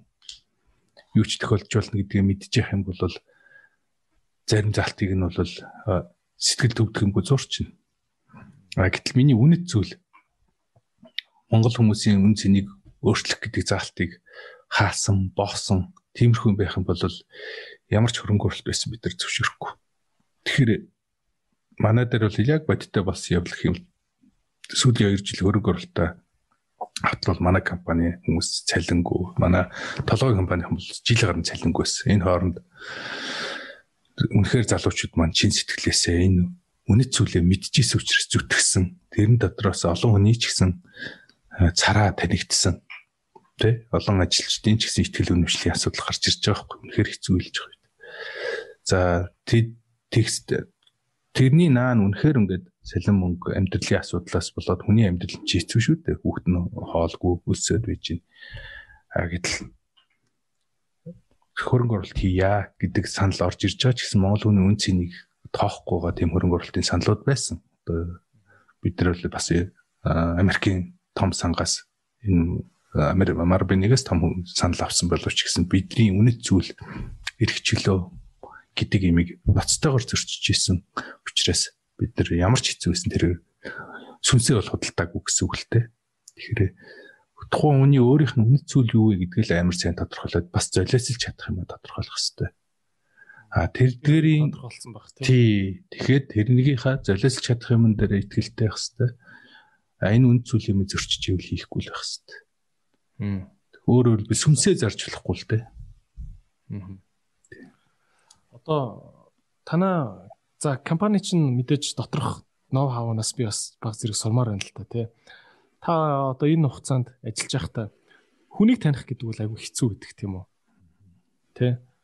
А заримдаа өөрөө чинь хамгийн мундаг гэж одоо миний хамгийн үнэнч ажилтан гэж боддог байсан хүн чинь нэг нэг өдөр л гів гинтхэн цалингийн нэг сар дутаахад л хэрүүлээгээл ороод ирдэг ч юм уу те. Аа. Тиймэрхүү магадлал бас байдаг шүү дээ. Тэгэхээр та ер нь яаж компани дотор яаж хүмүүсийг таньдаг вэ? Яаж ажилчдыгаа сордог вэ? Бас те яаж шигшдэг вэ? Тиймэрхүү HR талдаа надад нэг зөвлөгөө өгөөч. Аа. Хамгийн сайн ажилчдыг яаж хөгжүүлдэг юм уу те? Яг хоо миний нэг баримтлагдаг зарчим нь хүнтэй ажиллахдаа гурван зүйлийг хардаг. Суур боловсрал, чадвар, тэ ямар өндөр доктор байгаа чадваргүй хүн бол хэрэггүй шүү дээ. Докторийн зэргийг бол авч болдог чадвар их чухал, суур боловсрал чухал, чадвартайгаа боловсралгүй ажиллахгүй. Хамгийн том хардаг зүйл хандлага. Хандлага буюу тэр дотор чинь хандлага гэдэг дотор чинь баг юу байгаа хөөхгүй. Тий, багаар ажиллах чадвар, ёс зүй. Тий, яа тий. Тэгэхээр хандлагыг харахын тулд бол маш их хүнтэй туулж ажиллаж үнэхээр ихтгэл таах гэж үнтэй баг 6 сар хүртэл туулж ажилладаг. Тэр хүн хэр суур боловсрол нь хэр байна? Түүх ертөнцийг үзэх үзэл нь юу юм бэ? Тэрэн дээр л айгүйх цаг гардгийг. Тэгэхээр манай зарим захирлууд одоо жишээ нь за ойлгодгүй л дээ. Чи ингээл ямар ажил хийгээд байгаа заримдаа ингээ орохоор гэл байнга л хүнтэй ингээл түүх мүх дайны түүх Наполеон Кутузов тэ тэр Homo sapiens-ийн номны талаар ингээл маргаал мэтгэлцээ цохоо чигээр нь ажиллаа хийгээч гэдэг. А энэ миний үндсэн ажил бол тэр. Яагаад гэвэл бас нөгөө багийнхантайгаа харьцдаг арга барил маань бол тэр хүн зөв хүн галаа багшийн зэр шинэ Монголын галаа багшийн баримтлагдаг зарчим л да. Тэр хүн зөв хүн бол үйлдэл хийхгүй хүн юм чи үйлдэл дээр алдаа гаргаж ил тараа. Тэгэхээр тэр хүн зөв хүн мөн үү биш гэдгийг л танихад цаг гаргадаг. Тэгэхгүй үйлдэл болгоныг хянаад байвал миний цаг хүрхгүй шүү дээ. А дээрэс нь тэр хүнийгээ зөв байгаа юу гэдгээс хяндаг. Өөрөөр хэлбэл тэр хүн маань зөв биш болчих болно шүү дээ. Тэгэхээр тэрэн дээрээ маш их цаг гаргадаг. Тэгээд тэрнийгээ таньж мэдсэн үндэ бол ихтгэл хүлээлгдэг учраас үйлчлийг хэмдэггүй. Юу хийж ийн мэдээж зөв хүн, зөв хандлагатай Монгол хүний үн цэнийг дээшлүүлэх чин хүсэлтэй хүмүүс, чадвартай, боловсралтай байгаа бол тэр хүмүүс тэрний төлөө л зүтгэж байгаа. Дундаа алдаа гарах асуудал бол байж л таараа хүн ивж алдаа гаргаж л таараа. Тэрэн дээр маш их цаг гаргадаг. Тийм учраас тэрийг яаж мэдэх вэ гэхээр маш их тийм сэтгэл зүйн сорил хийн, бодлого бодуулна тий. Гэхдээ тэр маань одоо юм тест авч байгаа хэлбэрээр биш л те. Миний ажлын арга барилын онцлог тэр философи ер нь очиж буу халаал тий. Тий буу халаал. Тэгээд нөгөө хөрөнгө оруулагчтайгаа бас тийм ярина. Бидний яг үнэхээр чин сэтгэлээсээ бидний үнэт зүйлийг дэмжиж гэнэ үү үгүй юу? Тэгээ хүн харахаар нөгөө нэг ингээл нэг яриа суугаад идэг хүн байгаад идэг. Тий. Тэгээ тэрэн дээр л маш их цаг гаргана да. Аа. Монголд ер нь IT-ийн инженерүүд хэр байна? Өөрөө чинь санаанд хурж гин үү? Манад бас ингээл яг үндэ Mois одоо Kitems гэж байж байгаа байхаа үлдсэн мэлээ шүү дээ. Тийм. IT-ийн инженерүүд ерөөсөө лаг инженерүүд гарч ирэхгүй ингээд жоохон сул сулхан залуучууд сургууль төгсөж гарч ирээл ажил дээр баг эхний 2 3 жил нь юмын заасаар агаал таарад байна гэдэг найс нар их олон таарлаж байна л та. Тий. Ерөнхийдөө яг хуу IT computer science хоёроо хүмүүс ялахгүй байгаа юм л да. Information technology engineer буюу IT гэдэг бол ерөнхийдөө э, support хийдэг инженерүүд баггүй юу? Одоо чинь Windows форматлах, принтер холбох, сүлжээ татах. Аа тэр ямар нэгэн холбооны тоног төхөөрөмжийг ном журмын дагуу ухсрах гэдэг инженерүүд бол тодорхой хэмжээгээр дайггүй бэлтгэгдэж байгаа гэж харж байгаа. За тэрийг ялахгүйгээс болоод IT инженерүүдийг компьютер сайенс инженер болгож аваад идэх. Компьютер сайенс буюу одоо бүтээгч инженерүүдийг шинэ юм зохион бүтээгч инженерүүд. Энэ хоёр бол тусдаа ойлголт. Энэ ойлголт ерөөсөө оюутнуудын дунд ч боловс ажилч боловсруучны дунд ч байгууллагуудын түвшинд ч гэсэн ерөөсөө гүйцэд ойлгогдоогүй яваад байгаа. IT ер нь компани ч гэсэн ингээд IT компани гэдэг ойлголт яваад идэг. Гэхдээ тэр маань өөрөө computer science компани, development компани, integration компани, support компани гэдэг дотор маш их олон нарийн ойлголттой. Магадгүй одоо одоо идрэгч тэр IT-ийн бизнес гэхээр гэртээ орохоор телевизрийн удирдлага эвдэрчлээ янзлаад өгөөч. Надаас бол байнга асуудаг минь утас болохоо өчлөө. Windows форматлаад өгөөч гэдэг. Би амьдралдаа Windows хэрглэж үзээгүй юм байж идэг. Тиймэрхүү нэгцэн ойлголт нь өөрөө нэгдүгээр том асуудал. Хоёрдугаарт бол яг хуу манайхан бол илүү задгаа сэтгэж интеграц хийхтэй сайн компьютер сайенс инженерүүд нь тий шийдлийг асуудлыг проблемыг solve хийх үе асуудлыг шийдэхдээ айгуу сайн. А гэхдээ тэрийг ингээд тууштайгаар хөгжүүлээд тууштай сайжруулах гэдэг дээр бол маш муу. Энэ бол яг ялч Монгол хүний онцлог байгаа даахгүй шинэ юм зохион бүтээгээд асуудлыг шийдээд явахдаа сайн боловч нөгөөгөө төгөлдөржүүлэх гэдэг юм дээр айгуу муу. Ширээ хийчээд тэрийгээ далига тэгшлээд тавцангийн төв тэгшин болохыг гэдэг юм хийхдээ аяйгуу дургу. Ерөөсөө Монгол хүний онцлог. Тэрэндээ би ч гэсэн өөрөө багтаж байгаа. Уртхан л өөр өөр проект орох гэдэг. Тий, тий. Тэгтэл тэр маань өөрөө урт удаан хугацаанд төгс төгөлдөр явж иж бүсгтэй. Тэгээд энэ суур систем нь өөрөө Монгол байхгүй учраас миний харж байгаа Монголны IT-ийн салбарын боловсролын э, ирээдүйн боловсруулч айгүй хүн тарагдчихна захим шилжилтгээл яриад идэг. Захим шилжилт маань бүгдээрээ л IT болон компьютер сайенсийн инженерэд мати хүмүүс хэрэгтэй байдаг. Гэтэл тэдгэрийн бэлтгэж байгаа боловсруучны чанар муу байгаад идэг. А нөгөө талаасаа гадагшаага явж ажил хийж байгаа хүмүүс одоо жишээ нь бод жишээ нь л да Японд руу 3000 5000 долларын цалинтай ажилд явж гин гэж зөндөө явдаг. Явах нь хэцүү. Гэхдээ тэд нар тэр 3000 5000 доллар нь Монголын 300 500 доллартай адилхан гэдгийг очиод жилийн дараа ойлгодог хөхгүй. Амар хүнд. Тэгэхээр манад ингээд ирээд манай IT инженерүүд ч ер нь бол тэгээд байнга л нөгөө боловсруучинд дутагдaltaй болохоор гуйлгаж ажил хийдэг хүмүүс шүү дээ одоо. Бүхэл газар бүхэл компани зовлон. Ой офис хэрэгтэй, өглөөний унт хэрэгтэй, мэдээч чөлөөт орчин хэрэгтэй ч гэсэн за би ажилласаа гарлаа л гэн тийшээ орлоо л гэн. Тэгэхээр а гэтэл тиймэрхүү авьяастай залуучууд маань яг ачаалттай ажиллаад үн цэн бүтэхтэй айгу маруухан байхад идэг. Тийм хүмүүсийг яг өнгөцөндөө тэр Америк, Солонгос, Япон руу ажил хийгээд ирэхэд 2 жил болоод ирэхдээ л яг үнэхээр үн цэнэ баялаг болгоод хоёроо сурцсан ирдэг. Хоосон үн цэнд баялаг болохгүй буюу гүйцэтгэл байхгүй л юу ч шүү дээ. Худлал прожект хийгээл дараагийнхтайгаа орол идэг. Хизээч ингээд ажиллахгүй баялаг болж чаддаг тий. Тий. Үн цэнтэй юу манай үн цэнтэй баялаг болгож чадж гэнэ үгүй л асуудалтай. Тэгэхээр баялаг болгох гэдэг чинь дараагийн асуудал байгаад байна. Монголчууд ерөөхдөө зүгээр өөдөмтхай нэг прожект дээр ингээл нэг инженерийг 2 жил ажилуулчин гутал бараг л өста ганц юмтайгаа насаараа гацлаа гэж гомдолж ирээл те. Айгу тийм нөгөө юмыг төгсрүүлж байгаа гэдгээ ойлгохгүй зүгээр нэг юмн дээр л гацчлаа би одоо хөгжихөө болчлоо гэж гомдлоод идэм шиг санагдаад идэв шүү дээ. Та санал нийлэх үү? Санал нийлж гин манайх одоо ялангуяа баг 5 600 инженертэй болох шаардлагатайгаа 22 жилийн дотор. Тэгэхээр бидний зүгээр баримталж байгаа арга барил гэх юм бол integration problem solving а одоо нийлүүлэх асуудал шийдэх шин санаа гаргах концепт хийх дээр монголчуудаа ажиллуулъя илүү сайжруулах юм дээрээ тэр тийм э, үгийн тийм зам төлөвтэй Япон, Филиппин, Камбож гэсэн R&D центруудыг байгуулах гэсэн төлөвлөгөөтэй байгаа. Тэгэхгүй одоо хэдэн мянган жилийн бидний ДНХ генэн чингчсэн зан чанарыг өөрчлөнө гэдэг бол бидний хийж чадах зүйл биш. Тэгээд нөгөө талаасаа нөгөө бас нөгөө талаасаа нөгөө Монгол хүний эрх чөлөөндөө халдж байгаа ч гэсэн утга гэж ойлгож болно л доо. Дургу юм ингээд хүчээр хийлгээд байна гэдэг чинь тодорхой хэмжээнд болно. Гэхдээ бүр цаашаа хитэрж бол болохгүй. Тэгэхээр Монгол хүний бас нэг эрхчлөө гэдэг юм дотор бас тэр байгаад тахчих واخ. Тий, тэгэхээр одоо бид нар тиймэрхүү зарчмаар л ажиллах бодолтой байх. Зарим компани ч баг ажилчдаа зориулж шинээр прожект сэддэм байл шүү дээ, тий. Ажилчид нь өөрөө өөдчдөг болохоор. Тийм. Манайх бол тим төсөл маш ихтэй. Тэрэн дотроос төрсэн компаниуд ч их маш ихтэй. Тийм. Тэгэхээр нийт оч нэр яаж нэрээ?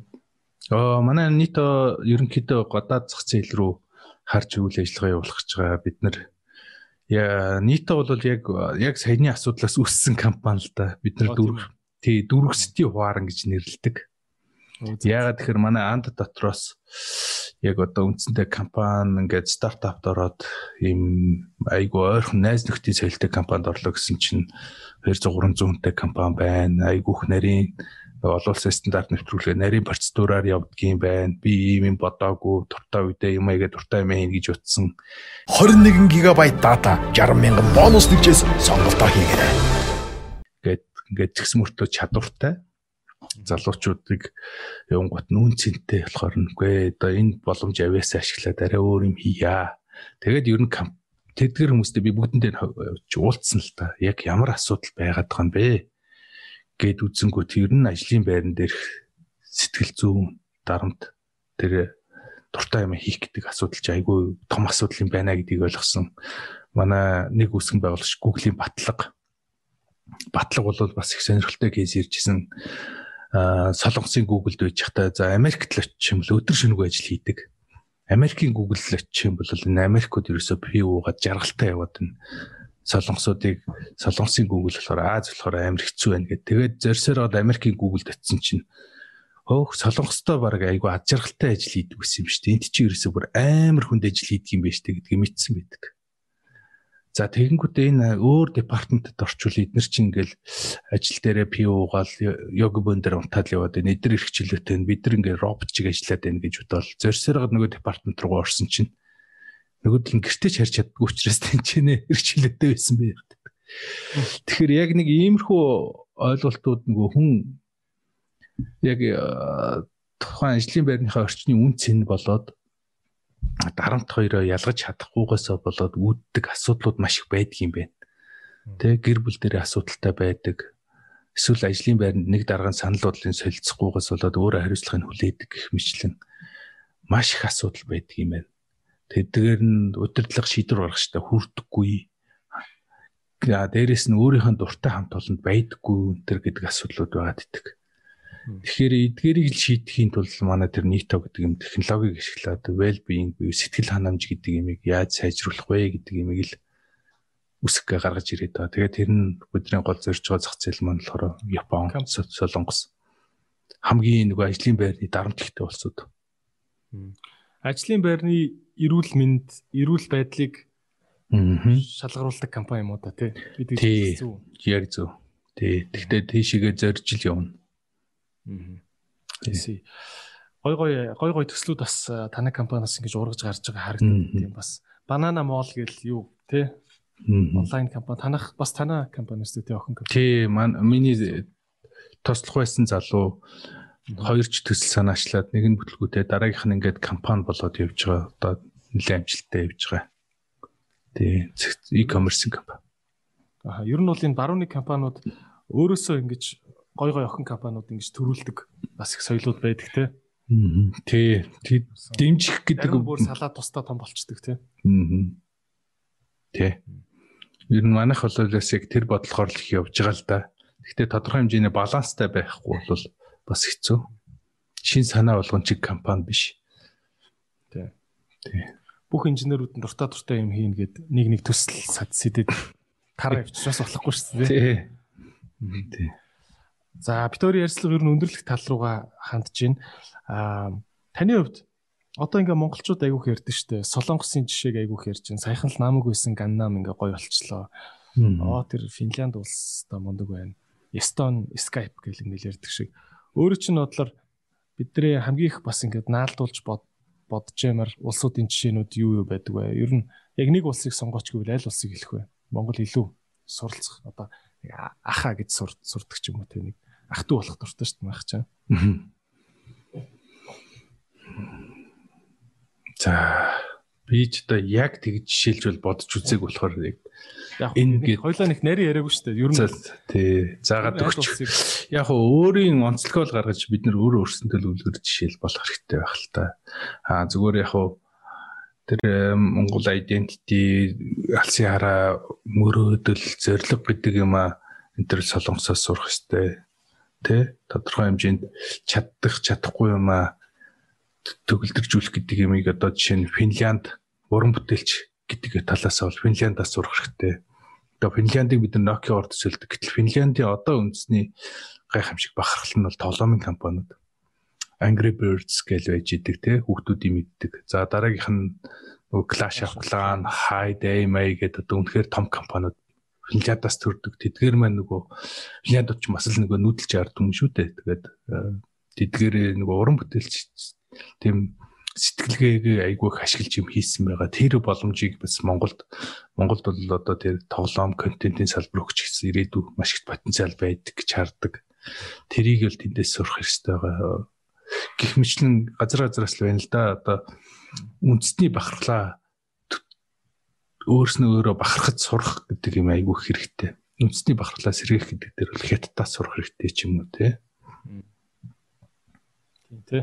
Дандаа л 4000 жилийн өмнөх юм а яриад яваагүй шүү дээ тий. Орчин Тийм. үеийн бахархал гэдэг нэг бий болж Тийм. байна тий.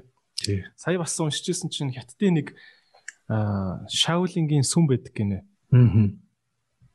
Ингээ гаднаас нь харахаар хэдэн мянган жилийн түүхтэй хуучны сүм мөртлөө тэр Шаолингийн сүм 250 гаруй гэлүүдээ худалдааны тэмдэгт эзэмшиж байна гинэ.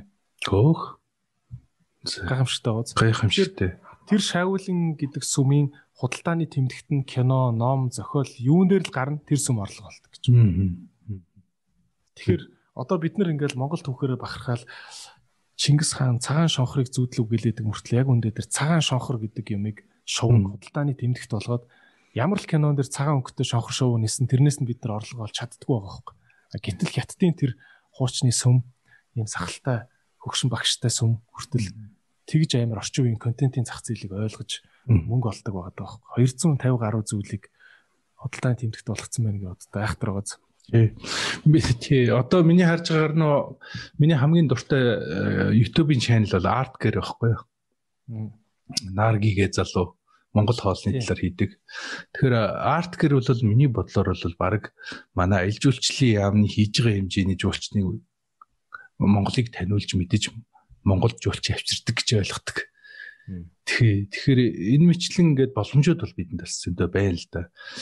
За хятадууд бол одоо энэ соёлын давталгааг Холливуудын студиудаар дамжуулж маш гайхамшигтай хийж байна тий. Одоо бусад үндэсний домгийг хүртэл хятад үндэсний домог гэж гаргаад таниулчихж шít. Тэгэхээр бид нар бол бас энэ дээр маш их эрчимтэй байж нөгөө Монголын нас төвч байгаараа Монголын эзэнт гүрний түүхээрээ ингээд Холливуудын хэмжээний киног хийх хэрэгтэй байхгүй. Бид нар нөгөө Монголд хүн зориулсан мөнгө төгрөгийн хүчин дотор мантхай цэцэн хатан гэж зөвхөн монгол хүн ойлгодог монголчуудын зүрх сэтгэлд хүрсэн кино биш. Үнэхээр нөгөө технологиуд танигдчихсан дэлхийн хүн бүрт хүрч чаддаг тэр Холливуудын технологиор хийж Монгол улсаа бас таниулж түүхээ эзэмшихгүй бол миний айжгаа юм бол магадгүй Монгол хятадын нэг эртний өвөг аймагын хан Чингис хаан дэлхийг эзэлсэн гэдэг түүхийг хийж чадхал асуудал үүсчихэд байгаа шүү дээ. Тийм шүү дээ. Тий. Тэгэхээр тэр одоо бол бидэнд бол гайхамшигтай түүхүүд байна. Тэр түүхүүдийг зарж юм болгох хэвээр. Тэгжиж ирээдүйн түүхийг бүтээх хэвээр. Тэгэхээр байгалийн баялгаас гадна түүх гэж их сонирхолтой юмуд байгаа. Тэр чинь худалдааны тэмдэгт түүхчээр айгуу том бас хоол байгаа байхгүй тий. Тий. Хоол одоо махир сэлэм тий. Махир сэлэм гэдэг чинь одоо бас манай брэнд үстэй. Чи одоо Манай э, солонгосууд бол одоо үнэхээр мундаг хийж ин л л да. Солонгосын солонгосч одоо түүхэн түүхээ аваад үсэх юм бол яг үнэхээр бодит түүхийг унших юм бол киногоор гарч байгаа түүх хоёр шал ондоо шүү дээ. тийм бах тий. Тий. Тэрийг ингээд дэлгэрүүлээд ширээн дээр байгаа бүх юма зарж чадчихээн тий. Тий. Тий. Тэгэхээр тиймэрхүү бүтээл сэтгэлгээ бол монголчуудад илүү байл байгаа гэж бодож байгаа. За окей янар цэгцэлтэйгээ бас нэлээд удаан ярьслах хийлээ. Хоёлоо бас манай карантины үеэр ингээд онлайн ярьслах хийж байгаа хоёр дахь дугаар болж байна. Манай энэ оны отхон дугаар байгаа. За тэгээд анар захирал анар захирлыг бол мэдээж Ant Global компаниараа ингэж олон улсын маш том хөрөнгө одоо энэ хөрөнгө мөнгийн эргэлдүүлдэг том корпорацтай дуураг барилдаж гэх юм одоо тий. Тэ стратегийн түншлэл хийж ингэж дэлхий рүү гарах замаа байгаад нь бол маш их ихтгэл найдвар тавьж байгаа. Тэгээд одоо Монголоос цөөхөнч гэсэн компаниуд ингээд туг бариад гараасаа залуучууд араас нь мянгуула жагсаасаа гэж бодож байна. Тэгээд танд бас микрофоны сүүлчийн минутуудыг өгье. За зөвхөн залуучууд гэлэхгүй те ер нь бүх хүмүүст юу гэж хэлэх вэ? За подкастнда урьж оролцуулсанд баярлалаа. Тий. Тэгээд э, танай хамт олонд бас их баярлалаа. Их ажил болдгийм байна. Тэг ихч зардал гарч байгаа харагдаж байна. Тэгэхээр бид нэр яг уу одоо манай компани зорилго бол Монгол хүний үн цэнийг хүлээн зөвшөөрүүлэх. За энэ чиглэлээр тодорхой хэмжээнд хангалттай бид нэр үүргийг гүйцэтгэж яваа гэж бодож байгаа. Энэ боломжийг маань ашиглаад олон олон стартапууд бидний гаргасан мөрийг улам дардан болгоосай. За үүнийг нь үлгэрлж жишээлээд манай төр зэсэг маань бас алсын хараанда илүү ирээдүг харсан чиглэл салхи оруулаасай гэж хүсэж байна. За тэгээд мэдээж энэ э, цар тахлын хүнд цаг үед энэ нийт хүмүүс маань эрүүлэнх төвчээртэй тэсэрсээ гүрийг зээл гэж хүсэж байна л да. Жохо уус төрчиг юм болч үгүй юу. Нэг ард түмэн гэдэг юм шүү. Мэдээж бүгдээрээ л ах トゥ гэр бүр тий өөр хөхд маань эрүүл их л байвал бус нь бол болно шүү дээ. Тэгээд санаж бодож тэмүүлэлтэй л байх юм бол бүхэл юмыг хүн хийж бүтээдэг. Тэр ирч хүч бол ард түмэнд байгаа тэрийг л сэрэх л хэрэгтэй байна. Сэрэгч байх. За тэгээд Ерөөл бат орш болтугай. Анар захиралд амжилт хүсье. Танай багийнханд бүгдэнд нь амжилт хүсье. За за баярлалаа. Аа энэ гоё бэлэг ирж байна. Аа манай спонсорын бэлэг баг шүү. Тийм байна. Монс Монс хүнсийн тий. Би одоо Монсын Vitagrip гэдэг одоо өдөр болгон өөрийнхөө төлөө өдөрт нэгийг гэж байгаа. Тэгээд би түрүүн бас нэр спонсоруудад танилцуулъя. Би одоо захирлын сайн таньдгийг өчигдөр манай эхнэрт эднийхээс бэлэг ирэхээр жоохон гомдоод байсан чинь эдрээгээ дамжуулаад одоо ингээд ээ захирлын солонгос бэлэг хүрээд ирлээ шүү дээ. Баярлалаа. За спонсортой баярлалаа. За баярлалаа. За Идрээс подкаст энэ дугаар маань их өндөрлж байна. Тэгээд өнөөдрийн дугаарыг үзэж байгаа бүх үзэгч нартаа баярлалаа. Шинэ оны минь төргий. Ирэх ондоо аз хямртай байгаараа энэ оны маань сүүлийн дугаар инхүү өндөрлж байна. Тэгээд спонсоруудаа дахин баярлалаа. Skytel компани аа Урагшаа 2021 гэсэн үрээтэй хөнгөлтийн хөтөлбөрөө өвлийн урамшууллын хөтөлбөрөө зарласан байгаа юм байна. Тэгээ өөрчлөлт төлбөртэй дугаартай хүн болгон 5000-аас дээш төгрөгийн худалдаа авалт хийх юм бол 21 гигабайтын датаг бэлгэлж байгаа юм байна. Coca-Cola-ныхаа бүглөөг бүгдээрээ үзээрэй. iCoke Cigiman гэсэн вебсайт руу ороод бүгдээрээ Coca-Cola-ныхаа бүглөөн доторх кодыг хийгээрээ 7 хоног болгон 7-оос 100000 хүнийг гой бэлгээр шагнаж байгаа юм байлээ. Kindle гой Wi-Fi, ёо Bluetooth speaker гэх мэт бэлгүүд өгж байгаа. Тэгээд Monsin Vita Grip-ийг та бүхэн өдөр болгон өөрхөн төлөө нэгийг уугаарай. 1000 мг С витамин 5 мг цайр буюу одоо зинк гэж ярьдаг те биеийн ядаргаа нөгөө дархлаа унаад чөрмөс мөрөмс татдаг тэрэнд их хэрэгтэй зүйл байдаг. Тэгээд зинк бол дархлаа, С витамин хоёлоо гоо сайханд их хэрэгтэй үс хумс арсны хамгийн гоё тижэл өгдөг витамин витаминууд байгаа. А мөн сайн электрониксын Apple-ийн албан ёсны дэлгүүрээр та хүмүүжлүүлээрээ Shangri-La Mall-ын 1-р давхурт байдаг. Apple-ийн бүтээгдэхүүнүүдийг бүгдийн үйлдвэрийнх нь баталгаажсан сервистэй наваарай. Ямар нэг үйлдвэрийн гимтэл байх юм бол засаад өгөн солиулаад өгөн гих мэтийн арийнхын сервистэй байгаа. Тэгээ Shopee цэгийн дээрээс албан ёсны Apple-ийн бүтээгдэхүүнүүдийг аваарай. За тэгээд өнөөдрийн дугаараа ийхүү өндөрлж байна. Дараа жил уулзцгаая.